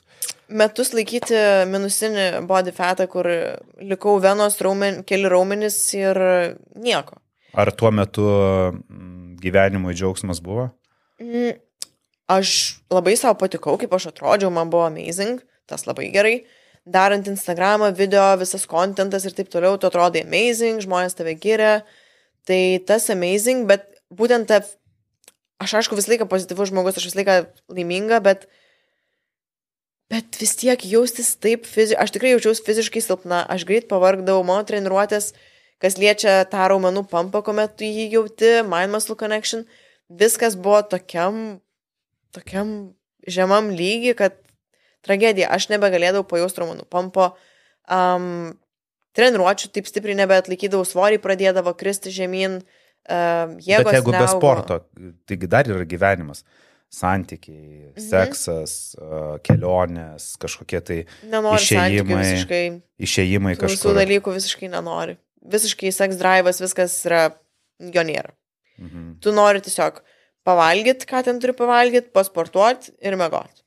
Realiai tu, jo, čia yra, čia yra crazy. Va čia yra lieknumo kaina. Mhm. Nes tu daugiau nieko nematai, po to jeigu tu kur nors, tarkim, nežinau, e, jeigu nors išeit, o tai man čia dabar reikės penkias valandas gamintis visus savo mylus, nes aš turėsiu atitaikyti visą tą savo kaloražą ir taip toliau, kas irgi yra, aišku, bodybuildingo dalis, bet tą galima padaryti žymiai protingiau ir kai dabar aš žinau, kad tai galima padaryti protingiau, tai aš tiesiog galvoju, ką aš dariau. O kiek, kiek tu sauliaidė atsipalaiduoti gyvenime, kažkur išeidama pavalgyti kažko tai? Ar viskas yra suplanuota ir tu retai kažkur valgai, ar vis dėlto jau leidai savo tai? Mm, pasakysiu visiškai nuoširdžiai, kadangi tai yra profesionalus sportas, aš net nelabai galiu sauliaisti tą, bet aš taip atradau savo mytybą ir aš tiek daug dalykų, tarsi aš kepuos sumuštinius blynus, keksiukus, pizzas darausi, žodžiu, aš visą tą maistą, kuris yra skanus uh, ir, tarkim, sveikas, aš tiesiog jį paverčiu tuo junk foodu, bet jisai vis, vis tiek tampa sveikas. Ir aš nesijaučiu, kad aš kažko netenku, ar aš, nežinau. Tiesiog turi daugiau laiko praleisti virtuviai. Tiesiog jo, tiesiog turiu daugiau laiko praleisti virtuvį, kas kartais yra fan, kartais nelabai, bet jeigu nori formų, tai profesionalus sportas vis dėlto, tai tą tenka daryti. Mhm. Jo. Bet paprastam žmogui, kaip ir sakiau, tikrai, netgi mano klientės, jos tikrai ne, neprivalo valgyti kiekvieną kartą nuo papiriuko ar nuo plano ar nuo kažko. Jos tikrai turi dienas, kada gali leisti savo laisviau, ar ten išeiti į restoraną, net suvalgyti tam pačiam restorane tą pačią vištieną su ryžiais. Tiesiog paprašyti, kad neperkeptų ten aliejus kilogramų ir padažą neperpiltų. Nu tikrai yra tų... Jo, paprašyk atskirai padažo, Taip. paprašyk, kad e, keptų ant grilio, ne ant keptuvės ir viskas. Aš tiesiog, jo, tarsi yra daug būdų šitą visą padaryti, tikrai nereikia savęs alinti ir ten visiškai valgyti nuo papiriuko ir, žodžiu, tas pats per tą patį. Ką tau teko paukoti gyvenime dėl savo dabartinio gyvenimo? Uh, žinai, nu mes visą laiką gyvenime turim, ko mes norėtume, bet uh, sukandidantis einame savo keliu, nes žinom, kad taip reikia. Mhm. Dabar galvoju, blem, čia toks klausimas, ką man teko paukoti. Pirmas dalykas, aš žiauriai myliu šitą gyvenimo būdą, man tikrai nuoširdžiai patinka eiti salę, um, gamintis tą maistą, stovėti virtuviai ilgai ir nuobodžiai, bet daryti. Tai ką man teko paukoti? Vargu, ką aš paukojau? Gal kažkokia gyvenimo galimybė, galbūt draugai, galbūt Mm. santykiai, o galbūt atvirkščiai per draugų tai. atkrito, kuriuos aš turėjau anksčiau perėjus prieš to sporto, tai faktas, nes jie visiškai tuo nesidomėjo, tai čia natūralu, kad jie pasikeitė. Mhm. Bet tuo pačiu aš daug pažįstamų, daug draugų, pažinčių atradau būtent per šitą sportą. Tai tiesiog galbūt pasikeitė tie visi draugai ir visos tos pažintys Mhm. ir mano gyvenimas ir tai, kas mane supa. Tai aš nežinau, Tai ar aš gal labai tavo daug- atveju atvirkščiai, kad tu nepraradai, Aš o tu daug atradai. laimėjau jo, aš manau, kad taip. Okay. Nes man tikrai nuoširdžiai sunku su, sugalvoti, ką aš tokio praradau, nes tiesiog visi dalykai, kuriuos da, aš anksčiau darydavau, mm, nežinau, man tiesiog... Nieko neįdomūs. nepasilgsti. Ne, aš... O kaip, kaip tau, pavyzdžiui, su silpnosiam akimirkom, a, nežinau, alkoholis, rūkimas. Alkoholį niekada net negėriau. Gal esu paragavus. Rimtai? Jo, dėl to Geras. man... Jo. O rūkimas? Rūkimas tikrai ne, nes mano mama labai gaila, bet neįrūko. Ir man labai labai nepatinka. Plus mano senelis numirė nuo plaučių vėžio, jis labai labai daug rūkė, tai man dar toksai, kad ne, ne, ne, ir smirda, sveikatos neprideda, netrodo fan, tiesiog, okay. nuoširdžiai. Gerai, kaip psichologiškai kovoji su saldumynais, su a, draugais sėdinčiais restorane valgančiais cheesecake'us, mhm. geriančiais karamelinės makijato, a, kaip tu gudrauji? Mhm. Šiaip pasakysiu vieną dalyką, man net jeigu mano artimieji valgo kažkokius saldainius, ten spurgas, tose restoranuose ten geria, va, ar kaip tu sakai, karamelę makiatą ir taip toliau, Man asmeniškai visai smagu. Tiesiog, man tiesiog smagu, man, wow, jisai džiaugiasi gyvenimu, jam smagu, jam gerai, jam patinka. Man visai fan, kad jie tai daro. Man, man kažkaip gera už juos ir aš nejaučiu to, kad, o tėve, aš čia dabar negaliu išgerti tos maketų. Mhm. Manęs tai netraukia, aš turiu savo tikslus, turiu savo maistą galiausiai, kurį irgi, kaip ir sakiau, valgau labai skanų, jeigu aš noriu kažko saldaus, aš išsikepsiu tuos kažkokius nors uh, baltyminius uh, keksiukus, kurie, aš garantuoju, nesiskirs nuo paprastų keksiukų, nes tikrai yra būdų, kaip tą padaryti aš pas, išsikepsiu tos blynus, nežinau, suvalgysiu proteininį batonėlį, kurį aš, tarp kitko, žiauriai mėgstu dabar, žiauriai obses, aš Amerikai prisipirkau visų teisį peiščiai, žodžiu viską prisivežiau, tai jo, tai visą laiką yra, tarsi, aš tiesiog žinau, kaip tą padaryti savo būdu ir aš tiesiog nesijaučiu, kad aš missing out on something ir tada tiesiog tie, kas šalia manęs, jeigu to nedaro, bet tarkim, okay. esi kaviniai, Starbucks, kofeinė. Nu nu, užsakinėjai, kaip nu. tu skaniai pasidarai, kokie yra tavo triksai, tipsai, kaip sutaupyti kalorijų ir jo. kaip nepersistengti, kaip pasidaryti skanę kavą, pavyzdžiui. Šiaip to dažnai nedarau, bet pagrindinis dalykas, visą laiką galima naudoti be pridėtinio cukraus, tarkim, augalinį pieną, jeigu nori pasibalinti tą kavą, jeigu nemėgsti juodos, nors aš mėgstu juodą, bet e, augalinis pienas, saldiklis mėgstamiausias, dabar tų saldiklių yra šimtas skonių, ten cookie dough, toffee, nežinau, vanila, cinnamon mhm. toast, tarara visokiausių. Saldiklis. Uh, Ar saldiklį naudoja visur savo kepiniuose? Mm, jo, šiaip aš visai mėgstu ir aš žinau, kad kai kuriem, aišku, kai padaugni to saldiklio, galbūt gali sukelti virškimo problemas ir taip toliau, bet uh, aš to nejaučiu ir ypač jeigu susaiku, tai aš manau, kad visiems viskas yra gerai, ypač Stevie aš mėgstu, labai natūralus saldiklis, vienas mhm. natūraliausių. Tai jo, aš jį naudoju ir man viskas sakyti, čia tas pats, kas realiai cukrus, tiesiog be kalorijų, iš esmės. Tai nu taip, apie tai aš esu Delfi rašęs straipsnį, tai manau, kad daugam kils klausimų, bet kol kas tyrimų, kurie įrodytų, jog tai kenktų jo. sveikatai nėra. Ir tarsi pilna dalykų gyvenime, kuriuos mes darom, kurie kenkia sveikatai, tai jeigu mes galim kažką pasirinkti, kas truputėlį mažiau kenks, nes tarkim, cukrus mums sukels viršsvorį, tai čia bent jau nepriauksim svorio nuo be kalorio dalyko. Tai... Ir be to saldiklio padauginti yra labai sudėtinga, nes jisai jo. įtin saldus ir e, netgi jeigu jo yra per daug, pasidaro uh, tas kartumo skonis -hmm, toksai. -hmm. Ir tada tu jau net nebeskanu, kaip... Nu, nebent per... tu įvalgai pusryčiam pietum vakarienai, prieš pečiam viskam. Ir... Netgi ir tai nepadauginsi. Nu, greičiausiai, bet. Tikėtina, kad ne. Tikėtina, nes, kad ne. Nes nu kiek tu jo naudos? Kelis lašus? Jo. Tai žinai, čia vėlgi klausimas, ar įmanoma. Yeah. Nes man atrodo, mirtina dozė saldiklio yra 180 Uh, skardinių, ska, skardinių wow. mo, nemirtina, bet ta rizikos. Oh, wow. Tai 180 skardinių monsterio, ten Red Bullio ar kolos, mm -hmm. zero. Tai 180 skardinių per dieną reiktų išgerti, kad tu pasiektum wow. tą uh, grėsmingą ribą, kuri wow. jau galėtų pakengti. Mm -hmm. Nu, ar tai yra possible? Nelabai, nebent bandysim už kažkokius rekordus ir žiūrėti, kas nutiks. Aš įsivaizduoju, ties oh šimtinę skardinę, kaip tu jau. Koks geras video YouTube būtų, milijonas peržiūrų iš karto.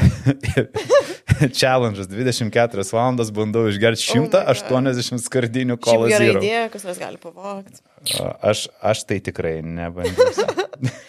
aš atsisakau šito aš, challenge. Aš tai neatsisakau, aš dar apgalvosiu. Tu pagalvosi, jo, jo, o gal dviese padarom? Šiaip galim, galim. Per pusę pasidalinta 180, po 9. Eik, savo.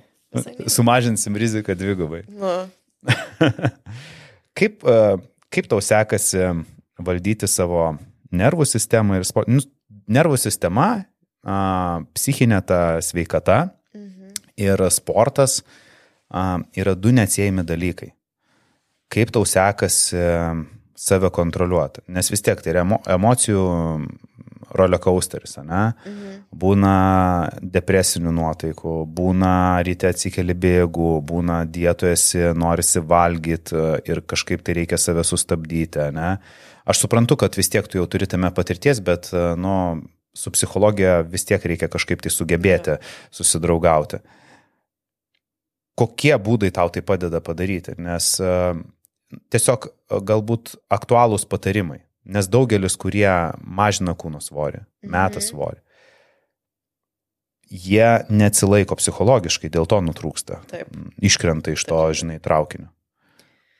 Ne, tai pirmas dalykas, kas yra labai banalu pasakyti, bet aišku, kad čia daugiau ne motivacijos ar kažko, bet čia disciplinos reikalas. Tai čia pirmas dalykas, bet ją reikia visų pirma tą rutiną, discipliną reikia išsiugdyti. Tai aišku, netliekant tų visų veiksmų, kuriuos mes norim daryti kasdien, tai pakankamai bus sudėtinga, kuomet ateis ta diena, kaip tu sakai, kad atsikeli pavargęs, nieko nenori, arba šiandien tingiu, arba šiandien valgysiu tortus ir nieko nedarysiu. Tai aš tikrai manau, kad jo, pirmiausia, reikia turėti tą rutiną ir stengtis, kad tai taptų jau įpročiu kažkokiu. Mhm. Tada, aišku, bus žymiai lengviau, kai tai yra įprotis. Bet jeigu jau tokia diena atsitiko, jeigu tai nenutinka labai dažnai, tai aš manau, kad tikrai visiškai viskas yra gerai su tuo. Tebūnė šiandien valgys tortus, tebūnė šiandien palsėsiu, duosiu savo atsigauti. Jeigu aš žinau, kad aš kitą dieną galėsiu vėl grįžti prie plano, nepanikuosiu, nepradėsiu daryti daugiau kardio, negu turėjau daryti, tiesiog grįžtų į režimą ir taip išbalansuoju. Jeigu aš žinau, kad galbūt aš tik pradėjau savo sporto kelionę ir man jau po savaitės norisi nutrūkti, prisivalgyti ir taip toliau, tai galbūt reikėtų iš visų jėgų stengtis save sukontroliuoti, nes yra labai labai lengva pačioj pradžioj nutrūkus ir visiškai paleisti viską, ką tu darėjai iki šiol. Čia yra tie tos pirmos savaitės, gal net pirmas mėnesis tikriausiai bus sunkiausia psichologiškai, nes aš netgi su savo merginom kartais nerekomenduoju pačioj pradžioj turėti kažkokių čitmylų, nes kartais būna pirmas klausimas, kurį aš gaunu, e, ar, ar tu surai mytybos planą ir ar čitmylai įtraukti. Ir jeigu tu jau dabar galvoji apie čitmylą, tai tavo mintis ir tu tavo tikslai dar nėra susiformavę ir tu nesi susidėliojęs viską taip, kaip norėtum. Nes tu neturėtum pirmiausia galvoti apie čitmylą, tu pirmiausia turėtum stengtis išsiugdyti tuos įpročius, įsivažiuoti šiek tiek į režimą ir tada galvoti apie tą balansą, nes jeigu tu neįsivažiavai, bus žiauriai lengva viską pamesti ir pradėti mhm. čytint, tas užsisuks į vicious cycle ir tu kiekvieną dieną, žodžiu. Nu, bus labai sunku, tai tiesiog galbūt pirmiausia stengtis suformuoti tos įpročius, aišku, psichologinis darbas su savim, uh, per daug savęs, aišku, irgi neperspausti, čia tas vėlgi viskas arba nieko mindsetas, kurį aš tikrai turiu ir aš tikrai linkus save labai stipriai perspausti. Nemažai žmonių tą turi, bet tiesiog stengtis kažkaip balansuoti tarp tų, kad galbūt aš nedarysiu septynių treniruočių per savaitę, bet pasidarysiu dabar dvi ar tris, galbūt dabar dvi, galbūt po kelių savaičių padarysiu tris ir tiesiog po truputį stengtis didinti tą krūvį, po truputį uh, į mytybą įsivažiuoti irgi visko nekeisti. Dažnai tas po truputį įsivažiuoti, tai dabar sakysiu, tai gerai, tai va aš kiekvieną dieną ten nu, pietų maką nueisiu, bet ryte ir vakare suvalgysiu salotų. Jo, bet to, jeigu tu valgiai o... ryte, vakare ir, pie, ir per pietus maką ir dabar tu valgys tik tai ryte, tarkim, tą maką, tu jau padarai progresą, nu, taip. tu jau pamatysi. Ja. Tai va, tiesiog... Okay, nuo... Step by step. Jo, step by step. O ko, kokie Banalų dalykai rutinoje pas tavai yra tokie kirtiniai, Nes aš galiu pasakyti, kad aš asmeniškai tai esu dėjęs iki to, kad nu, man sportas, tarkim, nėra dėl rezultatų, dėl to, kad aš niekur ne, nesivaržau ir taip toliau. Man tai yra didžiulis malonumas. Jo. Ir man patinka, būnant beveik 40, atrodyti gerai, jaustis gerai, galėti daugiau kartais negu 20 mečiai. Ir man... man taip, tai man tas patinka, ne? Ir aš turiu rezultatą pats prieš save, kad aš išlaikau rezultatą. Tai reiškia, kad netrodau blogiau arba nesijaučiu blogiau. Dėl to aš einu sportuoti ir visus darbus reguliuoju pagal tai, aplink sportą. Ta prasme, man tai yra uh, kirtiniai dalykai. Ryte išvesti šunį 3 km, būtinai papusryčiauti, būtinai pasportuoti ir tada jau darbai. Būtent. Kaip tu vat, savo rutiną dėlioji? Mhm. Pas tave irgi yra tam tikri dalykai, aplink kuriuos tu jau tai yra, kaip sakant, įrašyta ir jau tu nie, niekaip nepastumsi. E, būtent šiaip labai panašiai, kaip tu ir minėjai, aš irgi ryte pas mane būtinai turi būti pusryčiai, gera treniruotė ir tada aš galiu pradėti visą tą savo dieną, tada aš ir mastau geriau, jaučiuosi geriau. Mhm. Žodžiu, jeigu aš ryte nepasportuoju, man yra pakankamai sunku visą tą dieną, man tada ir režimas atrodo išsibalansuoja ir žodžiu, viskas tiesiog nėra taip, tai aš kaip ir turiu tą savo rutiną. Tai čia vienas dalykas, dabar kitas dalykas, primink apie ką mes. Kaip, kaip vat, susikūrėjai savo tą rutiną, žinai, nes jo. žmonėm, pavyzdžiui, jie ten nesikelia anksti ir sakai jam, nu, vat, pradėk keltis. Ir jie, žinai, ir jie tiesiog nenori aukoti to ryto mhm. vardan kažko tai ten rutinos kažkokios. Bet jeigu tu turi tikslą, tu turi priemonės. Tai jeigu tu nenori keltis ryte, vadinasi, tu dirbi ryte, tarkim, ir tu nueini vakariai treniruoti. Jeigu tu nori... Bet tada sakys vakare, aš jau pavargęs po darbo. Čia, va tas ir yra. Dažniausiai dėl to aš sakau, kad geriausiai, jeigu tu linkęs numuilinti ir po darbo jau jautiesi pavargęs ir dažniausiai nenuini iki tos sporto salės, tai geriau tiesiog pasidaryti ryte, kaip nors prisivers save, užsimotivuoti, nežinau, įsijungti žadintuvą, nežinau, mėgstamą dainą ryte, pasidaryti mėgstamus pusryčius, dar ką nors ir tiesiog nueiti pasportuoti.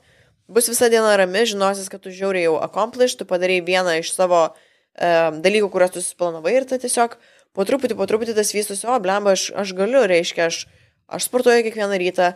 Čia vėlgi tas mindseto keitimas, mąstymo keitimas, kad mm, galvoti apie save kaip, kad aš galiu padaryti tuos dalykus, o ne pastoji save programuoti kaip aš negaliu, čia ne man, aš nesportiškas, mhm. man sportas nepatinka, nes vėlgi labai daug duoda, kaip mes kalbam su savimi, jeigu mes sakom, kad netgi dalykai, kaip tarkim, aš sakyčiau savo, aš sportiška, aš galiu, net jeigu aš to iš pradžių netikiu, bet aš tiesiog savo tai sakau, po truputį pradėjai įtikėti ir daug lengviau. Aš, aš, aš ties minties gale, kad ir kaip čia vuvau skambėtų, ar dar kaip nors, aš žiauriai tikiu šitais dalykais. Nu, tu žiauriai gali save užprogramuoti viskuo. Nu, tiesiog, kuo tu tikėsi, apie save, apie dalykus, apie viską, tą turi pritrauksi ir tą turi turėsi. Aš taip manau. Mhm. Tai va. A, tu kiek, nu, tikiuosi, kad vis dar turi draugą. Turiu, turiu. Taip, tai a, kaip jums sekasi suderinti savo gyvenimus? Ar jūs kartu dirbat, ar jūs kartu viską darot? A, nes, nu, tavo kaip profesionalios sportininkės režimas yra visas strikt. Mhm Jisai yra apskaičiuotas ne tik tai valandom, bet ir kalorijom. Jo, ir tas gali kartais aplinkinius šiek tiek triginti. Taip, o kaip, o kaip e, pas jūs e, santykiuose? Nes tu santykių realiai nerodai viešai. Ta prasme, pas tavį Instagramą užėjus, tu sakai, kad mes važiuojam, mes darom, bet tu niekada nerodai jo, uh, savo kažkaip... antros pusės. Tai kažkaip uh, pas tave, nu, yra asmeninis gyvenimas paslėptas. Šiek tiek jo, aš tuo būtent santykiais jo nesidalinu. Nu, Um, tai visų pirma, aišku, kad mes visko kartu nedarom, nes matyt, kad abu išprotėtume viens nuo kito, jeigu viską kartu darytume pastoji, čia yra, pff, būtų sudėtinga. Uh, bet iš kitos pusės jisai viską labai labai supranta. Mm, jis gyvena panašų iš tikrųjų gyvenimą, kaip aš irgi darusi savo mylus, galbūt šiek tiek paprastesnius negu aš, nes aš ten, man turi būti viskas ekstra skanu ir ekstra, jam užtenka vištienos su ryžiais, bet, nu, iš esmės. Vyrai. Tinginiai. Jo, jo. Šiaip man atrodo, kad vyrai turi mažiau skonio receptorių negu moteris. Tai. Nu, mes tiesiog girdėjau. esam, žinok, tinginiai. A. Aš tau prisiekiu, ta prasme, mes, jeigu tu man pagamintum jo. vištieną su ryžiais, aš galiu garantuoti, kad jinai būtų tokia skanė, kad aš paprašyčiau pakartot. Bet kai aš savo pagaminčiau, Toks, tai aš suvalgyčiau tik tiek, kiek reikia, nes aš pasigaminčiau greit, tam, kad Vėlia greit, kaip. efektyviai, optimaliai pavalgyti gauti energijos ir viskas, žinai. Tai tiesiog mes esam šitoje vietoje tinginiai, bet jeigu mes dėl moters stengiamės, tai mes net nebejoju, kad ir Tada. jisai pagamina skaniai. Teisingai? Jo, teisingai, teisingai. Taip. Tai va, mes nu, dėl savęs tingim stengtis. Gerai, tebūnė. Tebūnė. Tai va, tai iš tikrųjų suderint viską pakankamai yra lengva, nes kaip ir sakiau, jo gyvenimo būdas labai panašus į mano, plus mes aišku nedirbam darbų kartu, tai aš darau savo, mes ir sportuojam skirtingais laikais, mes niekada kartu taip nespa... Net jeigu sportuojam tuo pačiu metu, kas būna dažniausiai savaitgalį, tai aš vis tiek darau savo treniruotę automatiškai, jisai savo vis tiek nedarys su manim užpakalį. Susitinkat uh, tik tai prieš ir susitinkat po treniruotės. Į, nu, iš esmės. ne, nu, bet aš... Treniruotė, kai svetimi, aš puikiai tai suprantu. jo, žinok. bet iš tikrųjų, jeigu kas nors pamatytų mus, tai galvotų, kad mes esame net nepažįstami, nes aš dažniausiai net, net nepasižiūrim viens į kitą, nes antiek susikoncentravę į tai, ką reikia daryti. Mhm. Ypač aš, aš, pažiūrėjau, turiu tą aš žiauriai susikoncentruoju, kai aš sportuoju ir žmonės dažniausiai galvoja, kad arba aš nemandagi, arba dar kažkas, bet aš nuoširdžiai, aš nieko nematau, kai aš sportuoju. Aš tiesiog jaučiu savo kūną, aš matau svorius, aš žinau, ką man reikia padaryti, aš visiškai zone outinu, dar jeigu aš sausinėm, aš tada dar ir nieko negirdžiu. Jeigu man kas nors, kas nors sako iš nugaros, aš greičiausiai net neišgirsiu ir jisai galvos, kad aš tiesiog nemandagi, bet aš tiesiog nieko nematau, kai aš sportuoju. Treniruotė baigėsi, aš pavalgau, viskas gerai, vėl aš grįžtu į gyvenimą. Kol aš esu sporto salėje, aš nieko Taip, geriau prie Lauros neikit sporto salėje, nes... Aš tiesiog, aš tiesiog greičiausiai jūs praignoruosiu, bet ne dėl to, tarsi, natūraliai, jeigu prieis ir man pasakys labas, viskas gerai, aš pasisveikinsiu, aš pakalbėsiu ir toliau, bet aš tiesiog intensiškai neinu prie žmonių arba nesižvalgau ar ten... Aš galiu tau pantrinti, žinok, dėl to, kad uh, mes turėjom svečiuose Justą Pikelį. Jisai lygiai tą patį sakė, kad jisai sporto salėje irgi atrodo, žinai, poker face, oh. lygiai toks pat ir aš. Atrodau kartais ir susilaukiu tokių komentarų, kad salėje supiktas ir nedraugiškas. Bet iš tikrųjų tai nėra tiesa, dėl to, kad aš irgi taip kaip ir tu, salėje atėjęs, aš stengiuosi susikoncentruoti į tai, ką darysiu ir daugelis galvoja, kad aš telefonę susirašinėjau, nors aš telefonė iš tikrųjų rašausi visą Pratimus treniruotę. Aš irgi pasižiūriu, kokią Taip, taip. programą. Aš rašausi svorius. playlistą. Ai, nu taip, de- dainą pasikeitė, bet aš telefonė rašausi kiekvieną pratimą ir kiekvieną svorį, ką darausi.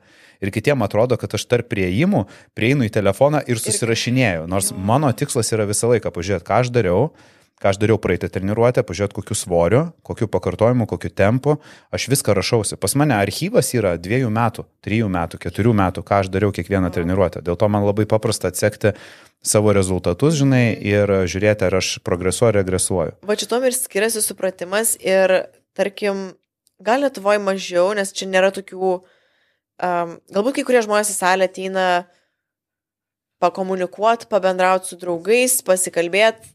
Mhm. Mes, kas siekiam tikslų, tikrai ko- konkrečiai, tai mes tikrai neinam ten bendrauti, kalbėti ar ten kažkokį vakarėlį daryti. Tai čia vienas dalykas. Kitas dalykas, kaip pavyzdžiui, užsienį, kadangi sakau, daug būnu laiko Amerikoje ir tikrai sportuoju būtent tose salėse, kurios nėra komercinės, kas Lietuvoje faktiškai visos salės yra tik tai komercinės. Ir ten yra grinai bodybuilderio atidarytos salės, kurie užsiema tuo kultūrizmu, kurie užsiema šito sportu, jie supranta, kas tai yra, kas yra darbas sporto saliai. Tai ten dažniausiai būna ganėtinai tylu ir niekas su niekuo nekalba ir visi supranta, kad e, dabar mes atėjom dirbti, mes dirbam ir viskas yra ok. Ir niekas nepagalvos, kad, o čia jinai pikta, ar jinai ten, nežinau, mandra, ar jinai ten nosių žiūrėtus vaikšto. Ne, tarsi visi suvokia, kad čia mes atėjom dirbti. Lietuvoje, kaip ir sakiau, galbūt yra biški tokia kultūra, čia yra komercinės sporto klubai, žmonės ateina galbūt pabendrauti, kas Mhm. gal nėra blogai, bet jeigu tu sėdi su telefonu 10 minučių ant mano treniruoklio, nu, O kaip va su šitu, nes e, pas mus e, ateina du bernai, užsima treniruoklį arba ten trys panos, e, hihihaha, e, trys šnekasi ir užėmusios ir tu kaip ir prieit bandai, bet jeigu prieini klausi, tai sako mes darom, Jo, nors at- matai, kad nedaro. E, Kaip užsienį su tuo? Ar tenai e, taip... Aš nuoširdžiai pasakysiu, kadangi aš ten neėjau į komercinius sporto klubus, tai visi tie kultūristų įkurti sporto klubai arba bent jau labiau link bodybuildingo sporto klubai, niekada gyvenime to nemačiau. Nu, niekada gyvenime to nemačiau, kad kažkas būtų tiesiog sėdėtų ant treniruoklio, rašinėtų ten kažką arba bendrautų ir nesportuotų, užimtų, trukdytų. Ten yra kažkokia, kažkokia kultūra, kažkoks supratimas, kad nu, treniruoklis skirti visiems ir jeigu tu pusvalandį ar ten 40 minučių užėmęs vieną treniruoklį, nu, kaip ir pasidalink, bent jau. Mhm. Toks. Tai kaip ir dalinimasis e, nėra tabu, ne? Ta prasme, viens kitam padės svorius O nuims. jo, ten labai visi, ta prasme, visi draugiški. Tas, kad aš sakau, kad jie nekalba vien su kitu, aš neturiu omeny, kad ten visi tiesiog pikti, žinai, vaikšto, susiraukia ir atsiprašau. Ne, tarsi jie prasilenkia, jie pasako kažką, padeda viens kitam, labai supratingi, žiauriai helpful ir Kiek, kiek yra šansų, kad prieėjus prie tave sporto salėje paprašys patarimo, tu įduosi? daug šansų. Bet Taurse- dėja, neduosiu. Ne, ne, ne, tarsi aš jį duosiu, bet tai tiesiog, um, pala, kur aš čia girdėjau, kad uh, kažkur aš girdėjau, kad kažkok, aš klausiau kažkokių trenerių podcastą užsieniečių.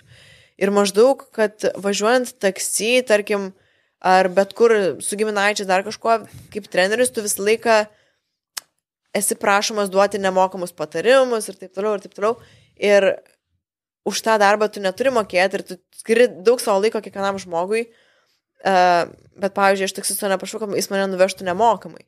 Nu, toksai, ką aš noriu pasakyti, kaip čia, kaip jis iš tą apivadinti. Kad maždaug aš turiu labai daug laiko skirti savo dienos su, su kiekvienu žmogum, kuris, tarkim, paklaus manęs sporto salėje patarimo, aš turiu sustoti, turiu jam viską išaiškinti, turiu išgirsti jo istoriją, um, kad jam konkrečiai patarčiau ir tai užima daug laiko. Ir kartais žmonės to tiesiog neįvertina ir galbūt galvoja, kad tu čia turi va- įvalęs laiko, visiems dalinsi patarimus nemokamai ir taip toliau, kas nu, kartais nu, Ja, a- negerbė tavo laiko. Aš tą noriu pasakyti, šitą Mhm. savo nesąmonę, kurią bandžiau. išvysti. aš, aš e, šiaip šitoj vietoj galiu tau pantrinti, nes um, yra ta bėda, kad visi tikisi visko nemokamai. Taip.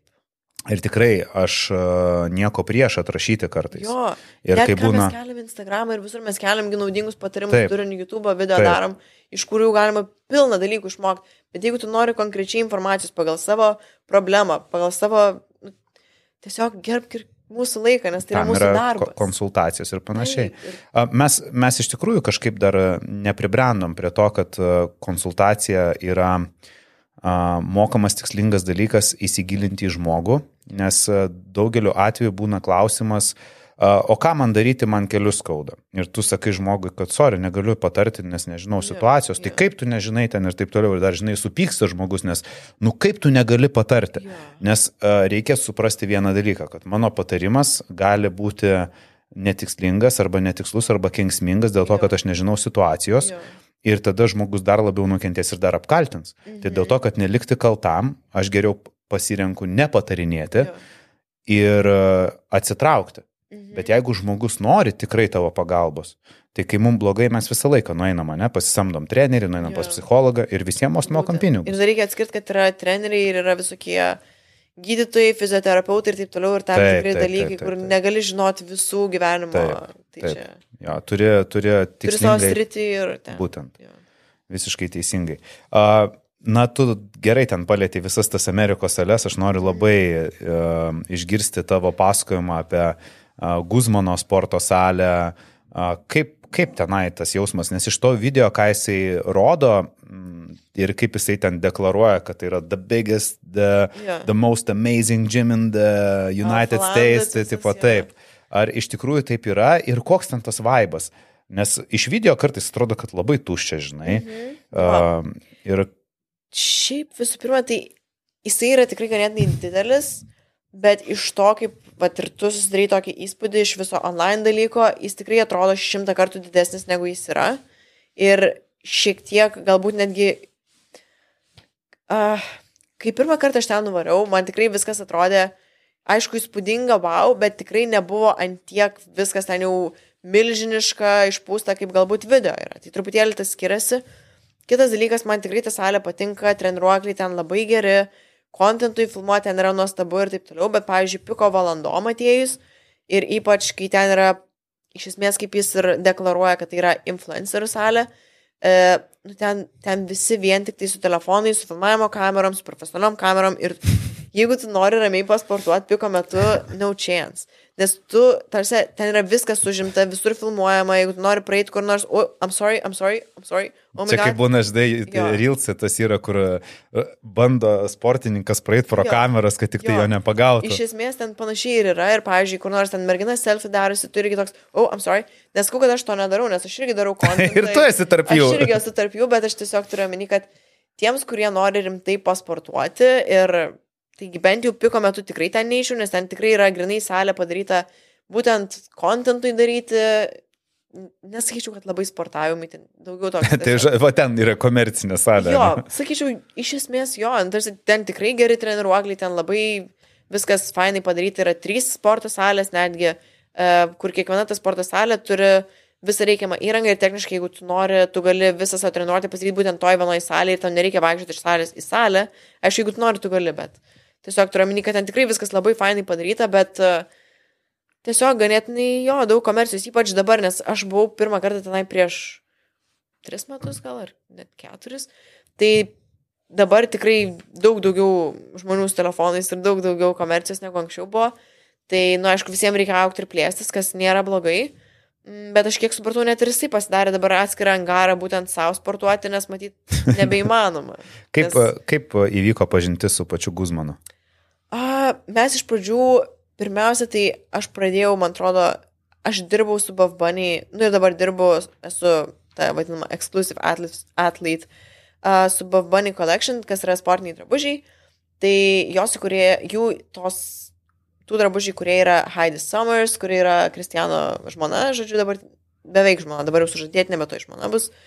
Um, tai pirmiausia, mes susitikom su ją, nes uh, mes važiavom kažkaip Jie ten turi savo Bunny tokį HQ, Content Creation House, visą žodžiu, kur mes irgi susipažinom su Haida, ten filmavom tik tokus, tiesiog kalbėjom ir taip toliau, nu, visą dieną tokia buvo žodžiu. Tai pirmiausia, mes su jie susipažinom. Tada mes nuvažiavom vakare su jie pastryti užpakalio treniruotis, man atrodo, Alfa Lande. Ir po to, po kelių dienų mes su jie darėm dar vieną treniruotę. Ir tada, jo, ir tada po tos treniruotės iš ryto mes nuėjome tuos uh, Alfalando užkulsius, kur ale VIP ta, ta zona, žodžiu, ir taip toliau. Ir ten kaip tik va, Kristijanas turėjo kažkokį tai mitingą ir po mitingo mes su juo susipažinom irgi ten tipo, o, ten, kaip fainai, kaip fainai. Ir jo, ir man atrodo, dieną mes taip ir susipažinom. Jo. Ir po to dar, kai buvo Bavbani toks kalėdinis vakarėlis, kuriame mes buvom, tai dar susitarėm, kad yra turim daryti pečių treniruotę, bet kadangi sekančią dieną aš turėjau skristi namo, tai nesigavo, bet gal dar kitą mhm. kartą padarysim.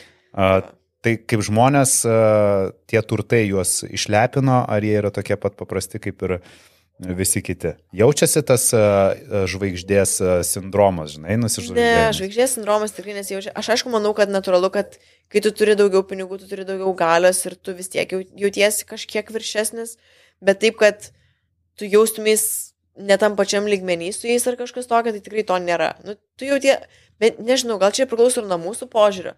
Nes aš, mhm. pavyzdžiui, kai einu su žmonėm, aš kažkaip nebeturiu to, kad man, kad ir žmogus turi daugiau pinigų ar daugiau pasiekęs, ar ten populiaresnis, ar turi daugiau followerių, aš jį nežiūriu kaip į aukštesnį už save, nežinau, gal čia mano dalykas, bet sakau, čia žiūri priklauso nuo mūsų požiūrio, nes manau, kaip tu prieisi prie to žmogaus, ar tu jį išaukštinsi, ar tu maždaug uh, būsi tam pačiam lygmenį, gal taip ir atsakas toksai bus. Tai man tikrai nepasijauti, kad uh, jie ten kažkom, nes Haidai iš vis, jinai ten, o, ar tau ten reikia pagalbos, tą ir tą padarysim, jeigu reikia kažką sakyti, jeigu reikia daiktus paliks, sakyk, nu, žiauriai. Tarsi, reikia kviesti juos į Lietuvą. Nu, Aišku, Lietuvą jiems čia būtų labai smagu jau čia atvažiuoti, bet galbūt, galbūt. Aš nežinau, jie buvę įdomi Europai, nes jeigu Buvo ne... Tai... Egipte mačiau neseniai. tai, tai tada tikrai tai jiem Europai, net aš ne jiem Europai tikrai patiks. Matyt, jo.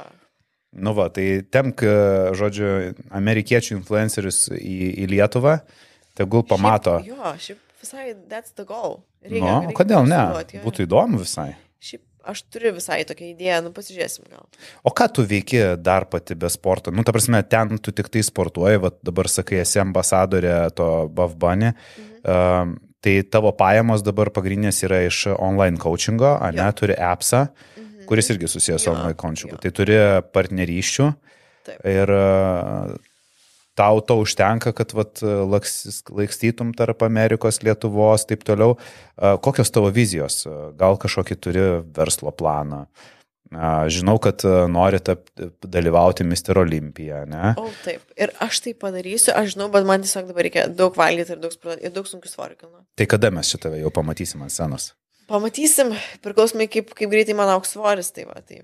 Bet šiaip aš labai tikiuosi, kad 2024 aš jau turėčiau pradėti savo prepą. Bet dabar reikia, kaip ir sakiau, daug mhm. valgyti. Mm. Ai, tai reiškia, kad dabar tu ruošiesi tam, kad pradėtum ruoštis 24 jo, metais jo, patekti į Mister Olimpiją, ne? Jo, jo. Aš dabar...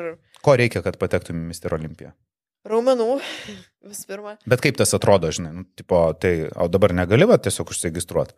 Mm, oi, ne, tarsi tu turi visų pirma laimėti pro varžybas. E, Bet dar, esi jau laimėjus. Um, aš esu laimėjus pro kortą ir dalyvavusi tik dviejose dar pro varžybose, kas buvo tiesiog pasibandymas, kaip aš sakau, Amerikoje. Uh, ši buvo visai sėkmingai. Mm, tam pala, paskutinis buvo. Kas ten pala buvo? Ai, Nevadui, man atrodo, mūsų buvo 26, buvo olimpiečių, kas buvo labai smagu iš tikrųjų su jom sudalyvauti. Tai aš pakliuvau į top 10. Per, mhm. per, nu, bet čia tarsi. Tai va, tai iš tikrųjų reikia pakankamai. Tai turi laimėti, turi laimėti pirmą vietą, kad patektum į Olimpiją. Taip, ir dar ne visos pro varžybos e, duoda tą, man atrodo, kvalifikaciją. Tik tai tam tikros pro varžybos turi kvalifikaciją, tai jeigu, tarkim, e, koks pro qualifier, ten tipo Olimpija qualifier, tai tada gauni tą mm, laimėjimą ir tada gali eiti į Olimpiją. Jeigu antrą vietą užims jau viskas. Ne. Kapiš. Anksčiau šiaip duodam, atrodo, pirmai, antrai, mhm. bet dabar, man atrodo, tik tai pirmai, jeigu aš neklystu.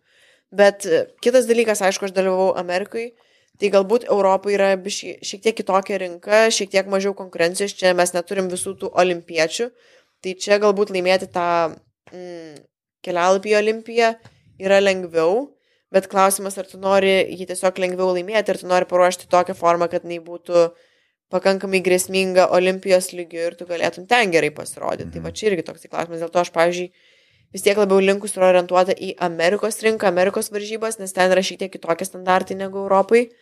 Tai, tai va, tai tiesiog laiko klausimas, kada aš uh, užsiauginsiu tos visus reikiamus raumenis. Ka- Kaip keistai skamba, žinai, kai a, aš įsivaizduoju dabar a, moteris klauso, kokius raumenis, apie ką jinai čia šneka, ką čia, kiek, o tai kiek čia tų auginti raumenų dabar tau reikia, supranti, Ka- į ką, į ką tu nori pavirsti. Nu, Tai tu būsi viena bikinį- iš tų, vat, kur išeina ant scenos ir kur tenai va tokie, va, žinai, kultūristė. Ne, bet šiaip apamai net palyginant uh, bikinį, kaip jisai buvo pačioj pradžioj, tarkim, prieš dešimt metų ir kas yra dabar, tai aš sakyčiau, O. o. dabar bikinis vos ne kas anksčiau buvo kokia nors ten fitneso ta atstovė, mhm. tarsi žiauriai. Kiek jos turi raumens, čia yra kosmosas. Tai tu dabar į kokią kategoriją? Tai aišku, kad į bikinį aš, Į bikinį? aš gyvenime nepriauksiu, net jokio ten Be šansų, e? Be šansų. Bet uh, dažnai uh, kalbama, kad uh, šitas profesionalus sportas neatsiejamas be farmakologijos. Mhm. Nu, tai dabar, kaip sakant, kortas ant stalo. Nu, Koks tavo požiūris, kaip pati uh, ir uh, ką gali apie tai papasakot? Nu, čia tokia, žinai, tema jautri, nežinau, kiek tu atvira ta tema mhm. ir kiek tu gali papasakot apie kitus, bet aš manau, kad daugelį domina, nes, nu, neslėpsim, vyrų tarpe tai ten pro kategorijai be šito, nu, be šansų, ta prasme, tenai, nu, tu be, be konkurencijos, nu, tas man nelaimėsi niekada, net nepateksi. Mhm. Čia vieša paslaptis, žinai. Kaip moterų kategorijose. Aš manau, kad aišku, kas liečia tikriausiai moterų kultūrizmą, Ne, nu tai čia ten tai jau faktas. visai kitas reikalas jo. Aš manau, kad yra ir tokių, ir tokių, bet, pavyzdžiui, kas liečia bikinį, tai aš nuoširdžiai manau, kad tikrai galima pasiekti bikinio formų ir be kažkokios farmakologijos. Aišku, kaip ten sakai, galbūt yra skirtingų visokių papildų ir nežinau, kas ką kaip skaito, bet e, aš nuoširdžiai manau, kad taip, galbūt didžioji dalis e, šito sporto dalyvių kažką vartoja, nežinau, ką vartoja, bet e, bent jau bikini kategorijai čia dar nėra nepasiekiamas raumens kiekis. Čia tikrai ne visi, čia turi būti genetiškai apdovanotas, galbūt sudėtas labai gerai, bet kažkiek tikrai uh, bent jau bikini dar gali be to apsėti. Kas liečia aukštesnės kategorijas, manau, kad tikriausiai neįmanoma. Čia jau fitness Būkim- ir taip toliau, ne? Velnes tas pats, nu, Mhm. ten, nu, jo, tikrai manau, kad nei vieno be papildų. Ne vienos merginos. Nemanau. Nu, tarsi, čia turėtų būti genetic freakas. Bet tu tiek visiškas. metų sporte. a, Pagundų nebuvo, Ne. nes, nu, greičiau, lengviau, a, paprasčiau, rezultat, nu, ypač su tavo tokiu režimu, kai pas tave viskas iki detalių. Jo, bet tame ir esmė, kad galbūt tos viskas iki detalių ir padeda tą padaryti. Ir jeigu tu tikrai viską susidėlioji susikoncentruoji, e, turi, omeny, turi režimą, turi mytybą, viską darai idealiai, tai galbūt tas ir padeda pasiekti. Ir ar tu nori gyvenime turėti tas pasiekmes neigiamas, kai tau galbūt, nežinau, kaip tu ir sakai, dings mėnesinės, sus- susigadins hormonai ir tu galbūt visą gyvenimą turėsi gertus hormonus? Mhm. Nu, ar, ar to reikia, neturėsi vaikų niekada, nežinau, ar, ar, ar tiek daug norisi aukoti dėl sporto. O kaip su vaikais beje? Ar planuojate? Aš tikrai apie tai negalvoju, man tikrai per anksti. Mhm. Ir nežinau, ar aš jau pamai noriu gal kažkada, bet aš tikrai... Šiuo metu aš, fokusas į sportą. Visiškai. Nu, tarsi aš tikrai nemanau, jo. Ne. Kol kas apie vaikus visiškai. Nu, ateina draugas, sako, žinai ką, aš tai galvoju, jau reikia. Aš Būtų- sakyčiau, aš tai galvoju, kad ne. Ir būtų dabar konfliktas. Būtų ne tai, kad konfliktas, bet aš tiesiog nemanau, kad dar yra laikas, nes aš dar tiek daug dalykų noriu padaryti, dar tiek daug noriu keliauti, noriu varžybų, noriu karjerą galiausiai gerai pasidaryti. Um, kažkokius gal verslo planus Kokius? ateities. Kokius? Apie juos nekalbėsiu, bet įgyvendint. Tai va, tai ne, negalima kalbėti apie dalykus, kurie dar nėra įgyvendinti, nes jie dažniausiai... O kodėl, gal žinai, sako atvirkščiai, jeigu kalbėsi, materializuos. Aš šitą paminėjau jo. Bet, uh, tai pati sakai. jo, bet... Uh, tai išeina pati prieštarauji savo. Ne visai, čia yra kitas dalykas, aš tiesiog nemėgstu kalbėti apie kažkokius didelius projektus ar didelius dalykus, kol dar jų nesu bent jau, bent jau į pabaigą arba, nu, supranti, ką turiu omeny, tai tiesiog šitą palikim. Okay. Bet jų yra, planų yra. Uh, kiek tu valgai maisto uh, varžybų pasiruošimo metu ir off-season? E? Ta prasme, kiek kaloražas tavo būtų? Šiaip žiauriai, žiauriai skirtingai ir kiekvienas pasirašymas žiauriai kitoks. Tai aš turiu turėjus pasirašymą, kur valgiau ir viens keturis, kas yra dar ganėtai neblogai. Nes šią medžiagą pykė, ta pasme, greita, nes pasirašyme kartais tenka ir merginom kai kuriuom ir tikrai labai mažą koloražą turėti. Um, bet paskutinį pasirašymą, man atrodo, aš 1,7 valijų, gal kažkas tokio. Tai čia toks uh, vidutinės merginos uh, nesportuojančios. Bet aš dariau labai daug kardio, tai gal tas, žinai, dar Aha. kompensuoja. O off-season?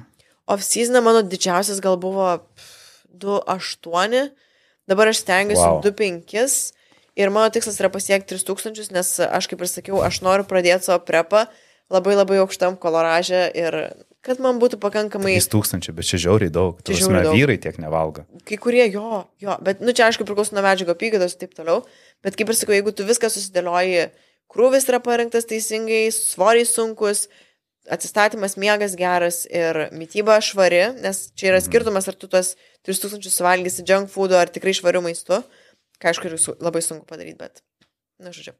Tai jo, čia yra daug, bet čia yra mano tikslas, tai kol kas 2-5 reikia konsistentai palaikyti. O kaip tu valgydama 2,8, 2,5 tūkstančio kalorijų Mhm. um, išlaikai tinkamą virškinimo sistemą? Nes vis tiek U. uh, tai yra daug Mhm. lastelienos, daug grūdų visokių, visko turėtų Jo. pūsti pilvą. Um, turėtum Tai būti blautė tokia, žinai, vandeninga. Kaip pavyksta su to kovoti? Šiaip tie patys virškinimo fermentai šiek tiek padeda, ypač jeigu tenka valgyti didelėm porcijom, bet e, būtent dėl to fiberio, kas tarkim iš um, sveiko maisto mes tikrai gaunam labai daug skaidulų, kas tikrai nepadeda pasijausti lengvam, tai aš stengiuosi surinkti uh, nemažą dalį savo, tarkim, angliavandenių, lengvai pasisavinamais angliavandeniais, tai tarkim, baltais ryžiais, netgi tą pačią duoną, aš tikrai nebijau duonos, aš nemažai jos valgau. Um, galiausiai cream of rice, kas yra tie maži sumalti ryžiukai, nežinau, ar mes Lietuvoje turim, bet iš Amerikos juos valgiau. Mhm. Tai um, kas čia daro? Vaisiai iš tikrųjų labai lengvai, pavyzdžiui, bananai, pakankamai didelis angliavandenių kiekis ir lengvai susivalgo, nepučia pilvo. Stengiuosi vengti visokių brokolių, tikrai ne, ne, ne, pupelių, ne, ne, ne, jokių tokių dalykų. Um, labai stebiu, kaip reaguoja mano virškinimas į tam tikrus produktus, stengiuosi, kad jie būtų paprastesni, lengvai virškinami, kaip ir sakiau, tie greitesni angliavandeniai ir aišku, surenku ten savo um, skaidulų per dieną ribą, kur kiek aš dabar apie. Nuo 35 iki 40 aš stengiuosi neviršinti, nes tada bus labai blogai. Mhm. Visi tie. O bloaters. baltymus visus valgai? Ar jauti, kad, pažiūrėjau, kažkokių baltymų esi labiau sotė, kai kurie nelabai, arba galbūt uh, turi kažkokių, tai ten, nežinau, nusistatymų prieš pieno produktus? Aš anksčiau galvojau, kad aš netoleruoju pieno produktų, bet dabar pastebėjau, kad viskas kaip ir labai gerai. Aš ir sūrį valgau, mėgstu, ir, ir jogurtus mėgstu. Tai aišku, jeigu padauginčiau, tada jo, tada man tikriausiai ir pilvas skaudėtų, nes yra tai buvę. Bet aš pakankamai viską paskirščius, plus aš laikau savo produktus labai panašius kiekvieną dieną, tai kaip ir nėra mano organizmui jokio šoko ar streso. Kiekiai irgi panašus, aš irgi nedarau, kad, pavyzdžiui, neužkėliau savo koloražo nuo 1,4 iki 2,5 per dieną. Tai viskas, ka- kada daroma po truputėlį, po truputį didinant ir išlaikant tą maistą švarų, tai nesusidūrus kažkam problemų, tai pačių baltymų aš nelabai privengiu. Aš anksčiau gal valgiau daugiau žuvies, dabar valgau daugiau mėsos, daugiau jautinos, nes jinai turi šiek tiek daugiau kalorijų ir man daug lengviau surinkti tą koloražą. Tai, mhm. tai va, tai valgau kaip tikras e, didelis vyras, bet kažkodėl. Tai jau tikrai. Jo, tie rūmenys. Man įdomu, kiek mūsų operatorius Arnas valgo. Suvalgai 2800 kalorijų. Barely. Jo. Va būtent. Kiek tu svorio priaugai nuo 1,4 iki 2,800 kalorijų? Nes atrodo, žinai, e, gali pasirodyti dvigubai daugiau. Ne. O kiek, e, nes ki- kiti bijo valgyti daugiau, nes galvoja, kad čia 10 kg priaugs Ne, dabar. tai va tam ir esmė, kad tas svoris galbūt pradžioje jisai užkils labiau, nes vėlgi tas glikogenas, galbūt dar organizmas nepripratęs, bet jeigu visą tą mes palaikom, tai jis sunormalizuoja, tai aš pasakysiu taip, kad aš nelabai linkus svertis, nes aš nelabai mėgstu svarstyklės, bet mano Tik maistas atrodo- sveri, daugiau nieko. Jo, Pati mais- nesisveri. Pa, pačiai aš nenoriu gadintis dienos, nes vis tiek kartais merginų smegenys taip suveikia, kad, o dieve, aš prieaugau ir čia, žinai. Bet, žodžiu, man. Net ir atrodo- tau. Net ane? ir man, aišku. Jo, aš, aš labiausiai aš tiesiog žiūriu pagal vaizdą, kaip aš atrodau, kaip aš jaučiuosi, e, kaip mano treniruotis ir kaip aš atsistatau. Ant svastyklių labai tuo atveju. Užlipu, tai man atrodo, čia buvo Amerikoje, aš užlipau. Tai aš manau, kad aš esu priaugus kokius, nu, nu, maks keturis gal kilogramus. Padvigubinai kaloražą Jo, nu, ir priaugai tik tai 4 kg. Jo, bet ir tai aš manau, kad čia užsipildė ir raumoto glikogeno, ir vandens, nu, ta prasme, čia. Jo, aš. Ar savo dabar labiau patinka, kaip priaugai tos kilogramus? Iš pradžių ne, bet dabar kuo labiau vis pradedu, vis labiau ir aš pagalvoju, o blemba, aš noriu vis daugiau valgyti, aš noriu didėti, aukti ir jo, pagaliau pasiekiau tą etapą, nes iš pradžių buvo tas, kad, oi ne, aš noriu būti kuo, kuo O ryškesnė. kas, kuo kas, kas lėmė tą switchą, kad tu pagaliau pradėjai save mylėti, Mhm. matydama stambesnė Jo. negu buvai tada lyn? Nes čia labai toks įdomus Jo, psichologinis manau, aspektas. Visų pirma, mano smegenys priprato prie to vaizdo, mano tikslai pasikeitė, aš dabar noriu būti raumeningesnė, noriu būti stipresnė treniruotėse, man patiko, kad mano e, svoriai didėja, mano treniruotės daug fainesnės, tada ir aš geriau jaučiuosi ir išsimiegu geriau, žodžiu, tai viskas kažkaip susidėjo ir aš galiausiai žiūriu, blemba, gal aš net ir dabar geriau atrodo už ir oda man atrodo tokia sveikesnė, nes aš buvau visiškai, aš rimtai, aš buvau žiauriai išdžiauvus visą tokia. Tai, mhm. žodžiu, daug, daug, daug pliusų ir tiesiog pradėjau labiau džiaugtis viskuo, savim, procesu ir... Ar palyginai kraujo tyrimus prieš ir po? Mm, Darėsi prieš ir po, nes labai įdomu, kiek tas koloražų padidinimas Šiaip lėmė kraujo tyrimus. Dar šiaip savijautą. norėčiau dabar pasidaryti. Nes mano nebuvo, kad jie buvo labai blogi tie mano kraujo tyrimai, nes aš, kaip ir sakiau, aš nesidėtinau iki negaliu, mano tas koloražas vis tiek Mhm. saliginai buvo aukštas, nes matyt, mano medžiago apykytė ganėtinai greita tikrai. Ir aišku, viskas sustiguota, nu čia vėlgi, aš visą laiką labai žiūriu savo miego režimą, maisto režimą, tai tas tikrai padeda, bet nu garantuoju, kad mano tyrimai dabar būtų geresni negu jie buvo. Nes aš tikrai ženkliai geriau jaučiu. Mhm. Bet e, veido būkliai ten akniai kokiai pasijautė tas e, pernelyg mažas kaloringumas. Mm, nepasakyčiau, kad labai. Ne? Gal šiek tiek kai hormonai vis tiek jie pradeda šiek tiek keistis, um, tai gal vienas kitas pogas taip išlenda. Arba, pavyzdžiui, va šiandien prieš podcastą vienas išlindo nuo nervų, Stresas. bet stresas jo, bet e, šiaip, e, ne, nepasakyčiau, kad kažkaip labai, ties- tiesiog ta pati oda, jinai tokia pilnesnė, nes riebalinis audinys pas mane dabar yra aukštesnis, tai natūralu, kad kai tu išsidžiavinęs viskas tiesiog Mhm. sukrenta. Tai, tai vat. Nu taip, sakogi, moteris ir nenori ten labai pernelyg numesti svorį, nes sako veidas sukris. Ma, mano veidas buvo labai Raukšlės dėkingas, atsiras. nes aš turėjau burunduko veidą, aš turėjau beproto didelius žandus kadaise, tai aš turėjau labai daug to e, riebalinio audinio čia, kurį, kuris man buvo dėkingas, tai dabar aš tiesiog turiu šiek tiek burunduko žandų, bet nebe tiek. Ai, tai nori pasakyti, pas tavęs veidas atvirkščiai, ne, neatrodo liesas. Jo, nors- jo, dabar normalus jisai atrodo. Tai Okay. man buvo dėkingas, tas, kad kai aš buvau nusiryšinus, aš tiesiog turėjau normalų veidą. Nes aš anksčiau turėjau tikrai. Nu žiauriai taip, daugeliu būna, kad jie, kai numeta svorio, Jo. tai veidas atrodo įkrenta net. Taip, Iš ypač jeigu mergina pastebi. jau turėjo ten tuos krostikulius ir taip toliau, tai jeigu jinai dar, dar pareiškėjo, tai iš vis ten viskas sukrenta, atrodo į vidų net. Oi, atsiprašau, Mhm, tužau mhm. mikrofoną. Tai va. Tai man buvo dėkinga situacija šituo atveju. Nu, jo, čia tau pasisekė. Bet, tai žinai, uh, aš visą laiką galvoju, kaip atrasti tą balansą, kad tas lieknumos, um, lieknumo siekimas netaptų fanatiškas, nes dažnu atveju fanatizmas, jisai aptendo smegenis tiek, kad žmogus nemato tų visų jau duodamų signalų, kaip sausos odos tenai, žinai, Jo. įkritusių žandų tenai, kažkokie tai pasikeitimai miegi ir taip toliau, ir jisai juos praignoruoja, nes jis, jisai eina link to vienintelio tikslo, kad tik tai geriau atrodyti. Mhm. Ir vat man tiesiog labai norėjosi išgirsti, kas pas tave pasikeitė net pas tave, kur tu jau labai viską kontroliuoji, bet kaip tu sakai, va tada atsigavo, žinai. Kokie dar įvyko pokyčiai, kai tu pradėjai daugiau valgyti, gal kažkas dar pasijautė, nes, žinai, aš tikiu, kad kiekviena mergina gali valgyti kur kas daugiau negu jos valgo Jo. dabar. Būtent. Ir jos dar geriau atrodys, aš nekalbu apie tai, kai merginos a, turi viršsvorį ir jos sąmoningai nori sumažinti kūno Ne, nu, svorį. taip, taip, taip. Jeigu jos turi viršsvorį ir jom viskas yra gerai, čia jų reikalas, bet yra tos, kurios nori sumažinti svorį ir jos kardinaliai viską pradeda keisti, Jo. tada pradeda ke kentėti, nors iš tikrųjų galėtų kur kas mažesnė pastanga. mažina kalorijas, tada netenka raumeninės masės, tada metabolizmas krenta, žodžiu, ir vėl užsisukam į tą Mhm. ratą, kai nieko gero. Tai kas pasikeitė iš tikrųjų, kaip ir sakiau, pagerėjo miego kokybė. Mano Kiek tu nuotaika- valandų mėgi?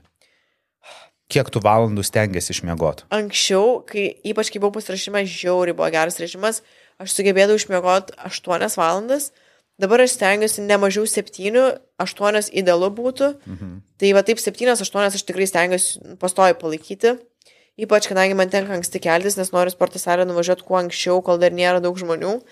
Tai Kelintą aš... valandą jau sportuoja? A, dabar, pala, kada mes važiuojam? Man atrodo, 7 aš jau pradedu. Wow. Jo. 7 ryto, tai, nu, aš dar spėjau pavalgyti, kad... Tu nes... net ir pavalgai. O kaip e, žiūri į sportą ryte ant tušio skrandžio? Jo, tai čia irgi daug, daug esu kalbėjęs apie šitą dalyką.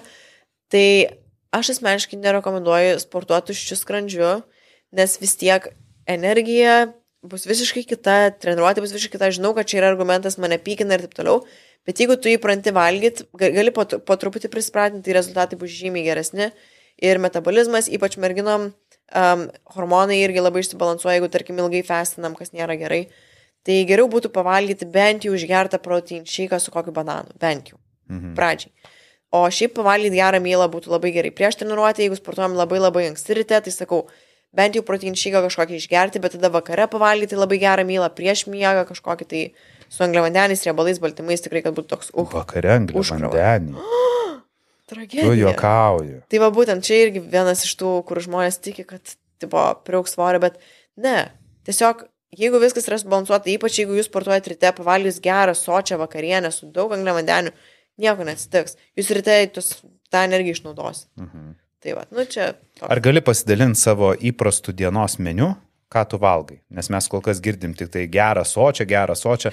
Kas yra Lauros uh, dienos maistas? Uh, kaip tu maitiniesi. Jau mhm. girdėjom, nevengi duonos, jo. valgai daug, jo. bet kokie tai yra patiekalai. Gerai, dabar reikia pagalvoti, nes pas mane viskas žiauriai pastoji keitėsi. Na, nu, bet, žinai, tarkim, pas mane irgi keičiasi, bet avižinę košę ryte aš valgau iš 7 rytų 5. Uh, tai... Ne, tai aš šiaip irgi turiu tą pastovų maistą, bet tiesiog pas mane buvo tokie laikotarpiai, kai valgiau vien tik tai tą, po to toks laikotarpis, kai vien dabar, tik tai tą. Dabar, šiandien. Kalbam tai apie šiandien. Šiuo metu dabar galvoju, pusryčiai yra avokado taustas su kiaušinių baltymais ir vienu pilnu kiaušiniu, šiek tiek pomidorų, garstyčios, amazing. Um, tada po treniruotės, ką aš valgau. Tai reiškia, pusę septynių, šeštą ryto pavalgai šitą. Jo. Ok, sportuoji, po treniruotės iš karto valgai jo, ar karto. sporto salėje? Jo, nu, tarsi aš nueinu į apačią, pas mus e, yra ten toks restoranėlis, aš tiesiog atsisėdu, visą laiką melžiuosi, kad manęs neišvarytų iš ten, jeigu ką nusipirksiu kokią arbatą, susimokėsiu, kad galėčiau ten pasidėti ir pavalgyti. Tai vad, tai tada aš valgau kokias nors kruopas, tai pavyzdžiui, šiuo metu grikiai su vištiena tikrai bus boring, bet uh, makaronai, koks ananasas, tai jo, vištiena arba jautina, grikiai, ananasas, pomidorai, patoksai. Mhm. Tada grįžtu, išsikepu jautinos sumuštinius su avokadu. Tai čia už kiek valandų jau? realiai aš valgau vos ne kas dvi valandas, kartais net kas pusantros. Mhm. Aš, nu, aš mašina, tarsi aš, aš žiauriai mėgstu valgyti. Mašina. aš tikrai daug valgau jo. Laura tai, Lamborghini. Bet grinai ir kartais net tenka pakeisti savo aprangą, nes jau nebeužsisega tie džinsai. tai į vakarą, ne? Jo, jo, jo, nu, tikrai. Taip, reikia vieną sagą daugiau. Bet grinai, aš dėl to labai mėgstu tos, kur tu paminėjai, oversize drabužius, nes žiauriai patogu. Labai patogu. Ryte dar su timpom būnu, į vakarą jau perėdami ryte, į oversize. Ryte į sporto salę ateini visą tokia, tokia čiki-piki aptemta. Taip, viskas gerai, vakarai jau, tipo, visiškai, jo, bet, nu, tokia realybė jo. tai vad, tai kas tada jo pasirūtos sumuštinius. Um, po to. Sumuštiniai tai duona ir jautiena kepta, ne? Jautina, avokadai, sūris, mhm. barbecue padažas. O kokį sūrį naudoji? Aš dabar naudojau tą kažkokį 15 procentų riebumą, nes aš nenoriu pertekti riebalais, kad jie mano sumuštinės ir jautina, ir avokadai ir taip toliau. Tai man atrodo, ten kažkokį atlyt. Um, tai mhm. va, paprastą fermentinį sūrį. Kartais mėgstu varškės sūrį irgi labai bet, bet labiau su jautina tinka tas paprastas sūris. Kartais net tas, kaip jisai, lydytas sūris, čia dar yra dar koks nors irgi žiūri gerai. Um, gerai, kas toliau? Toliau aš būna išsikepu blynus arba pasidarau kokį nors, nežinau, lašišas arba karpio kepsnius vėl su kokiais ten ryžiais ar grikiais ir avokadu. Po to Pažiūrėjau, pas tavo avokado labai daug. Aš mėgstu jo, žiūri geras riebalų šaltinis. Avokadas, avokadas, avokadas. Jo, bet rimtai, aš dabar kaip pasakiau, beveik visose valgymuose. Taip, taip, ok. Praeis. Tai mes jau turim ketvirtą valgymą. Blynai arba žuvis su avokadu, gerai. Mm -hmm. Tada aš kokį dar batonėlį užsimetu, nes būna gal per mažai. Um, tada ką aš dar? Galvoju, ble, man neprisivalgiau aš dar. Jo, bet grinai. Nu, tai, tai čia kelinta kokia šešta valanda jau. Jo, aš baigiu valgyti kokią aštuntą, kokią valandą iki miego. Nes šiaip tikrai būna tokių dienų, kai aš stragalinu suvalgyti viską, tikrai būna tokių, oh, aš tokia pilna, bet vis tiek reikia, nes aš turiu tą savo koloražą, turiu savo tikslą. Tai čia būna tokių dienų tikrai, bet stengiuosi viską suvalgyti kiek įmanoma anksčiau, tam, kad man nebūtų tas nesivakarą tikrai pasidaro sunkiau. Bet kol aš dienoju, kol aš judu, tai viskas ok, aš galiu valgyti. Um, tada vėl ką aš pastarau, vėl koks nors arba jautina su, su grikiais arba dar kažkur, arba vėl tie patys blynai. Tai dažniausiai gaunasi šeši kokie valgymai plus batonėlis. Va tai. Jesus. Čyzas, jo, daug, daug. Nu, aš esu taip valgęs. Dabar aš valgau 4-5 kartus. Jo, nu, aš Bet, kai keliauju e, irgi kokius keturis gaunasi ir Bet penkis. žinai, e, kaip ir sakai, vyrai gal dažniau valgo ir supras, bet e, Mhm. merginos klauso dabar tai galvoja. Crazy.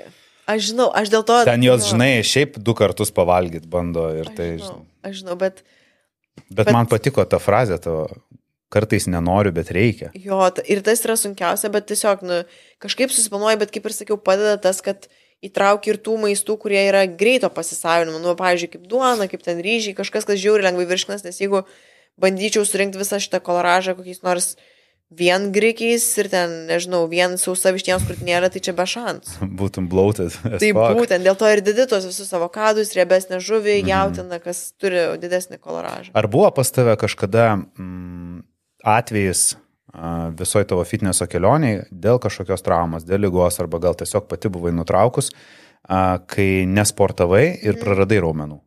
Jo, aš buvau kažką pasidaręs, man atrodo, pečiui. Tai aš galėjau tik tai kojas daryti, tai aš tikrai žiauriai daug praradau raumenų nuo viršutinės savo kūno dalies. Ne tai, kad žiauriai daug, bet tiesiog glikogenas dingo iš raumenų, jis negavo krūvio, tai buvo šiek tiek sunkiau įsivažiuoti, nes man ir taip yra pakankamai sudėtinga užsiauginti savo viršutinę kūno dalį. Ir kai aš jos negalėjau treniruoti, tai tikrai buvo pakankamai sudėtinga. Tai aš tikrai buvau vien tik tai užpakalis kojos ir zero viršaus. A, bet po to po truputį įsivažiavau. Tai čia buvo toks laik- laikotarpis. Mm, bet taip, kad kažkur iškritus kokiem, nežinau, keliem mėnesiam gal net, ten gal buvo tokie mėnesis du, va taip. Beje, su mytyba tu labai gerai pasakei, kad vis tiek turiu valgyti, nes turiu tikslą. Ir kas įdomu, kad a, daugelis tikrai galvoja, jog jeigu jie pasieks tikslą, Jo. jie galės jau nebevalgyti tiek daug. Mhm. Bet nieks nesupranta, Oi, kad ne. reikia Oi, išlaikyti tai, Oi, ką ne. tu užauginai. Reikia išlaikyti. Ir netgi, pavyzdžiui, jeigu mano merginos, tarkim, susirga arba kažkokią traumą gauna ir jos galvoja, oh, tai man čia reikia dabar beveik nieko nebevalgyti, nes aš tipo režime esu ten sargu. Tai priaukti svorio nereikalingo. Ir realiai tu, tarkim, sergant, tu vos neturėtum bent jau palaikyti, kartais net truputėlį daugiau valgyti vien tam, kad to organizmas greičiau atsistatytų ir to, to tų medžiagų Mhm. gautų, žodžiu. Tai, nu, čia irgi dar viena iš klaidų, kai mes numažinam koloražą, tada organizmas, organizmas nebegauna maistinių medžiagų, jam sunku atsistatyti, tada prailgsta lygos. A, žodžiu, čia. Netgi jeigu ir lyga, a, jeigu tu ir iš lygos iš pasveiksi, Jo. kas dažnu atveju būna, kai tu sumažini koloražą lygos a, metu, Jo, jo. tai kad po lygos žmonės jaučiasi itin silpnai ir sako, aš Ir taip po lygos jaučiuosi silpnai, dėl to, kad tu visą energiją, kurią šiaip mažai valgydavai, Jo. tu panaudodavai tik tai sveikimui, bet raumenų atsistatymui organam neužteko ir tu neprikaupė jėgų. Jep. Ir po lygos tu dar jautiesi silp, silpnesnis ir tu iš vis jėgų neturi sporto salėje. Todėl va, sergant vienas dalykas reikia valgyti, antras dalykas reikia valgyti daugiau baltymų ir amino rūgščių, nes mhm. lygas gydom irgi baltymais. Mhm. Tai Taip, taip, va šito irgi reikia ne, nepamiršti. Iš viso ta baltymų tema tokia įdomi, aš vad ką tik prieš kelias dienas išleidau Delfi straipsnį apie baltymus, nes uh, baltymas jisai tokį turi savo kažkokį prieskonį mitą, mhm. kad jisai būtinas tik tai sportuojantiems. Oi, ne, tarsi jis taip naudingas visiems žmonėms realiai, a, padeda palaikyti raumeninę masę, žodžiu, medžiagų apykaitą greitina, plus, kad suvirškint a, gramą baltymų tu išnaudoji daug daugiau energijos negu, tarkim, riebalų arba net tų pačių angliavandenių. Tai čia irgi, tarkim, palaikant aukščiau daugiau baltymų savo mytybai, tai tu gali valgyti daugiau techniškai, tai prasme, kalorijų atžvilgių, bet mhm. tu sudeginsi daugiau. Kaip ir su kalorijų. lasteliena irgi. Nu, tai va. Nes ne visą pasisavina, Taip. kita išeina, tai automatiškai, jeigu mytyboje turi daugiau baltymų ir lastelienos, tavo kolaražas gali būti Aukštesnis. teoriškai aukštesnis, tu gali daugiau suvalgyti, nes daugiau tiesiog Ir ir, ir nes jau sudegins ir pasišalins. ir. Nu, be to, šitie du, du dalykai, jie ir duoda sotumą. Taip. Plus riebalai. Dėl to, kai tu bandai užsiauginti raumenų ir tau reikia suvalgyti arti 3000 kalorijų, tu negali padauginti šitų dalykų. Tai, va, Taip, taip. tai kas iš tikrųjų padeda, nes e, netgi, tarkim, man dabar nebereikia valgyti labai daug ten kokios vištienos ar mėsos ar dar kažko, nes aš dalį baltymų susirieku jau vien iš kruopo ar dar kažko. Tai irgi šitus baltymus, taip? Aš visus makros skaičiuoju, viską jo. Mhm. Nes e, anksčiau būdavo tokia old school teorija, jog e, skaičiuoti tik tai gyvulinės kilmės baltymus. Nu kaip, techniškai aš tikiu, kad jie tikrai yra naudingesni ir jie raumeniui daugiau duos naudos negu, tarkim, tas augalinės kilmės, bet tai nereiškia, kad tu nieko negauni iš jo. Mhm. Tai aš vis tiek skaičiuoju ir kadangi mano baltymai pakankamai aukštoji. Aukšti, Kiek tu gramų laikai baltymo kilogramui? Uh, aš tiesiog valgau 185 gramus baltymų. 185 gramus. Jo.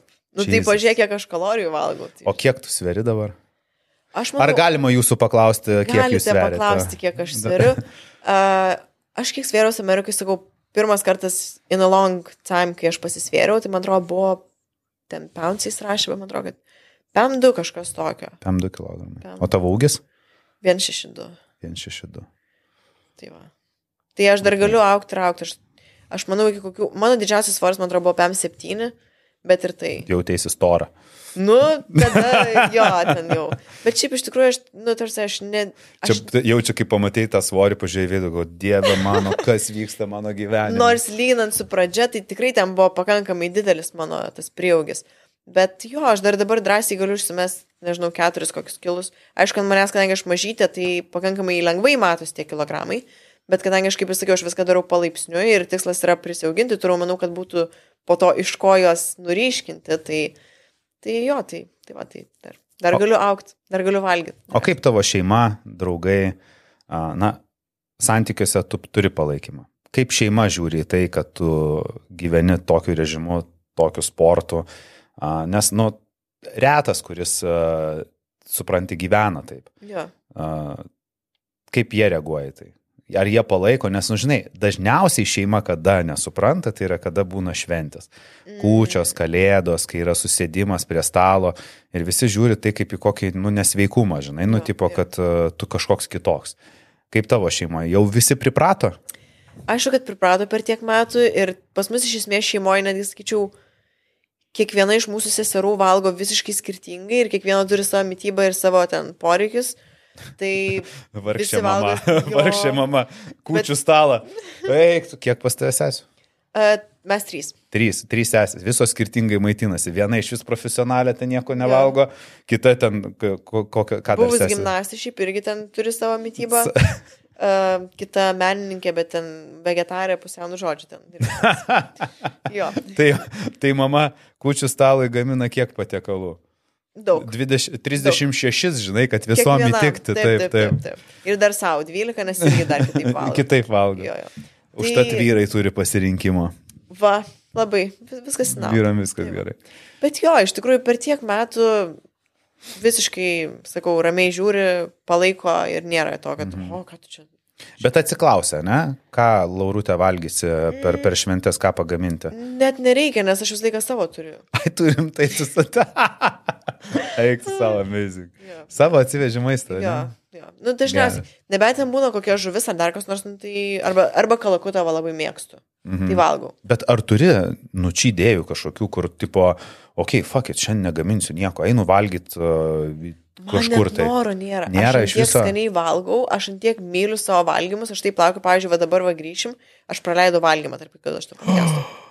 tai aš pasiryšiu dvigubą porciją tų jautinos sur sumuštinių ir man bus amazing, dar proteino batnėlį pasimsiu. Nu, man tarsi, aš Supratau. viską, ką valgau, man žiūri. Žodžiu, tu jau esi tam etape, kur tau visiškai tai nesukelia jokio visiškai. pasitenkinimo. Aš man smagu, kai kiti, ta prasme, valgo ir džiaugiasi ir jiems skanu ir aš už juos mm -hmm. dar gal tau pagamintą, iškeptą, nežinau, kokiu keksiuku ar ten dar kažką. Mm -hmm. Nu, tiesiog. Okay, aišku, aš, aš to parašysiu tada gerai. Gerai. Ok, super. Gerai, Laura, ačiū tau labai. Uh, noriu tau tiesiog palinkėti sėkmės, kad tavo svajonė išsipildytų patekti į Olimpijos varžybas. Ir, it. Ir, ir labai tikiuosi, kad mes tada, kai tu jau sudalyvausi tose varžybose, vėl susitiksime čia. Būtinai. Ir tada tu jau papasakosi savo įspūdžius. Galbūt net tada mums teks daryti jau podcastą anglų kalbą, nes pas tavę auditorija bus. Aš galvojau, būtų visai įdomu, žinai. Nes ir tugi pakankamai gerai kalbė angliškai. Be problemų, galima. Tai, va, tai, tai va. Gerai, taip ir sutarėm. Gerai. Darysim kitą podcastą anglų kalba, kai sudalyvausiu jo. Olimpijos varžybose Amazing. ir parsivešiu uh, prizinę vietą. Būtinai, būtinai. Va čia tai būtų fantastika. Bent jau top 3. Bent jau top. 3. O mes turim Lietuvoje, kas uh, yra, man atrodo, Barzinskas dalyvavęs Olimpijoje. Aš nesu tikra. Aš nesu tikra. Okay. Aš šitą bijau. A, aš irgi, aš, man atrodo, kad Jo, jis yra dalyvavęs, nežinau. bet daugiau aš nelabai žinau. Tai va, tai ačiū tau labai, ačiū visiems, kas klausėte. Nepamirškite, kad mūsų podcastas išeina kiekvieną savaitę, todėl nepamirškite jo įsijungti. Taip pat nepamirškite paremti mus Contribui platformoje ir aišku paspausti like ir parašyti komentaruose, ar jums patiko ir kokių svečių norėtumėte pamatyti. O mes su jumis atsisveikiname iki kitos savaitės. Iki. Amazing. Woo. We Amazing. did it, duok penkis. Bye. Bam.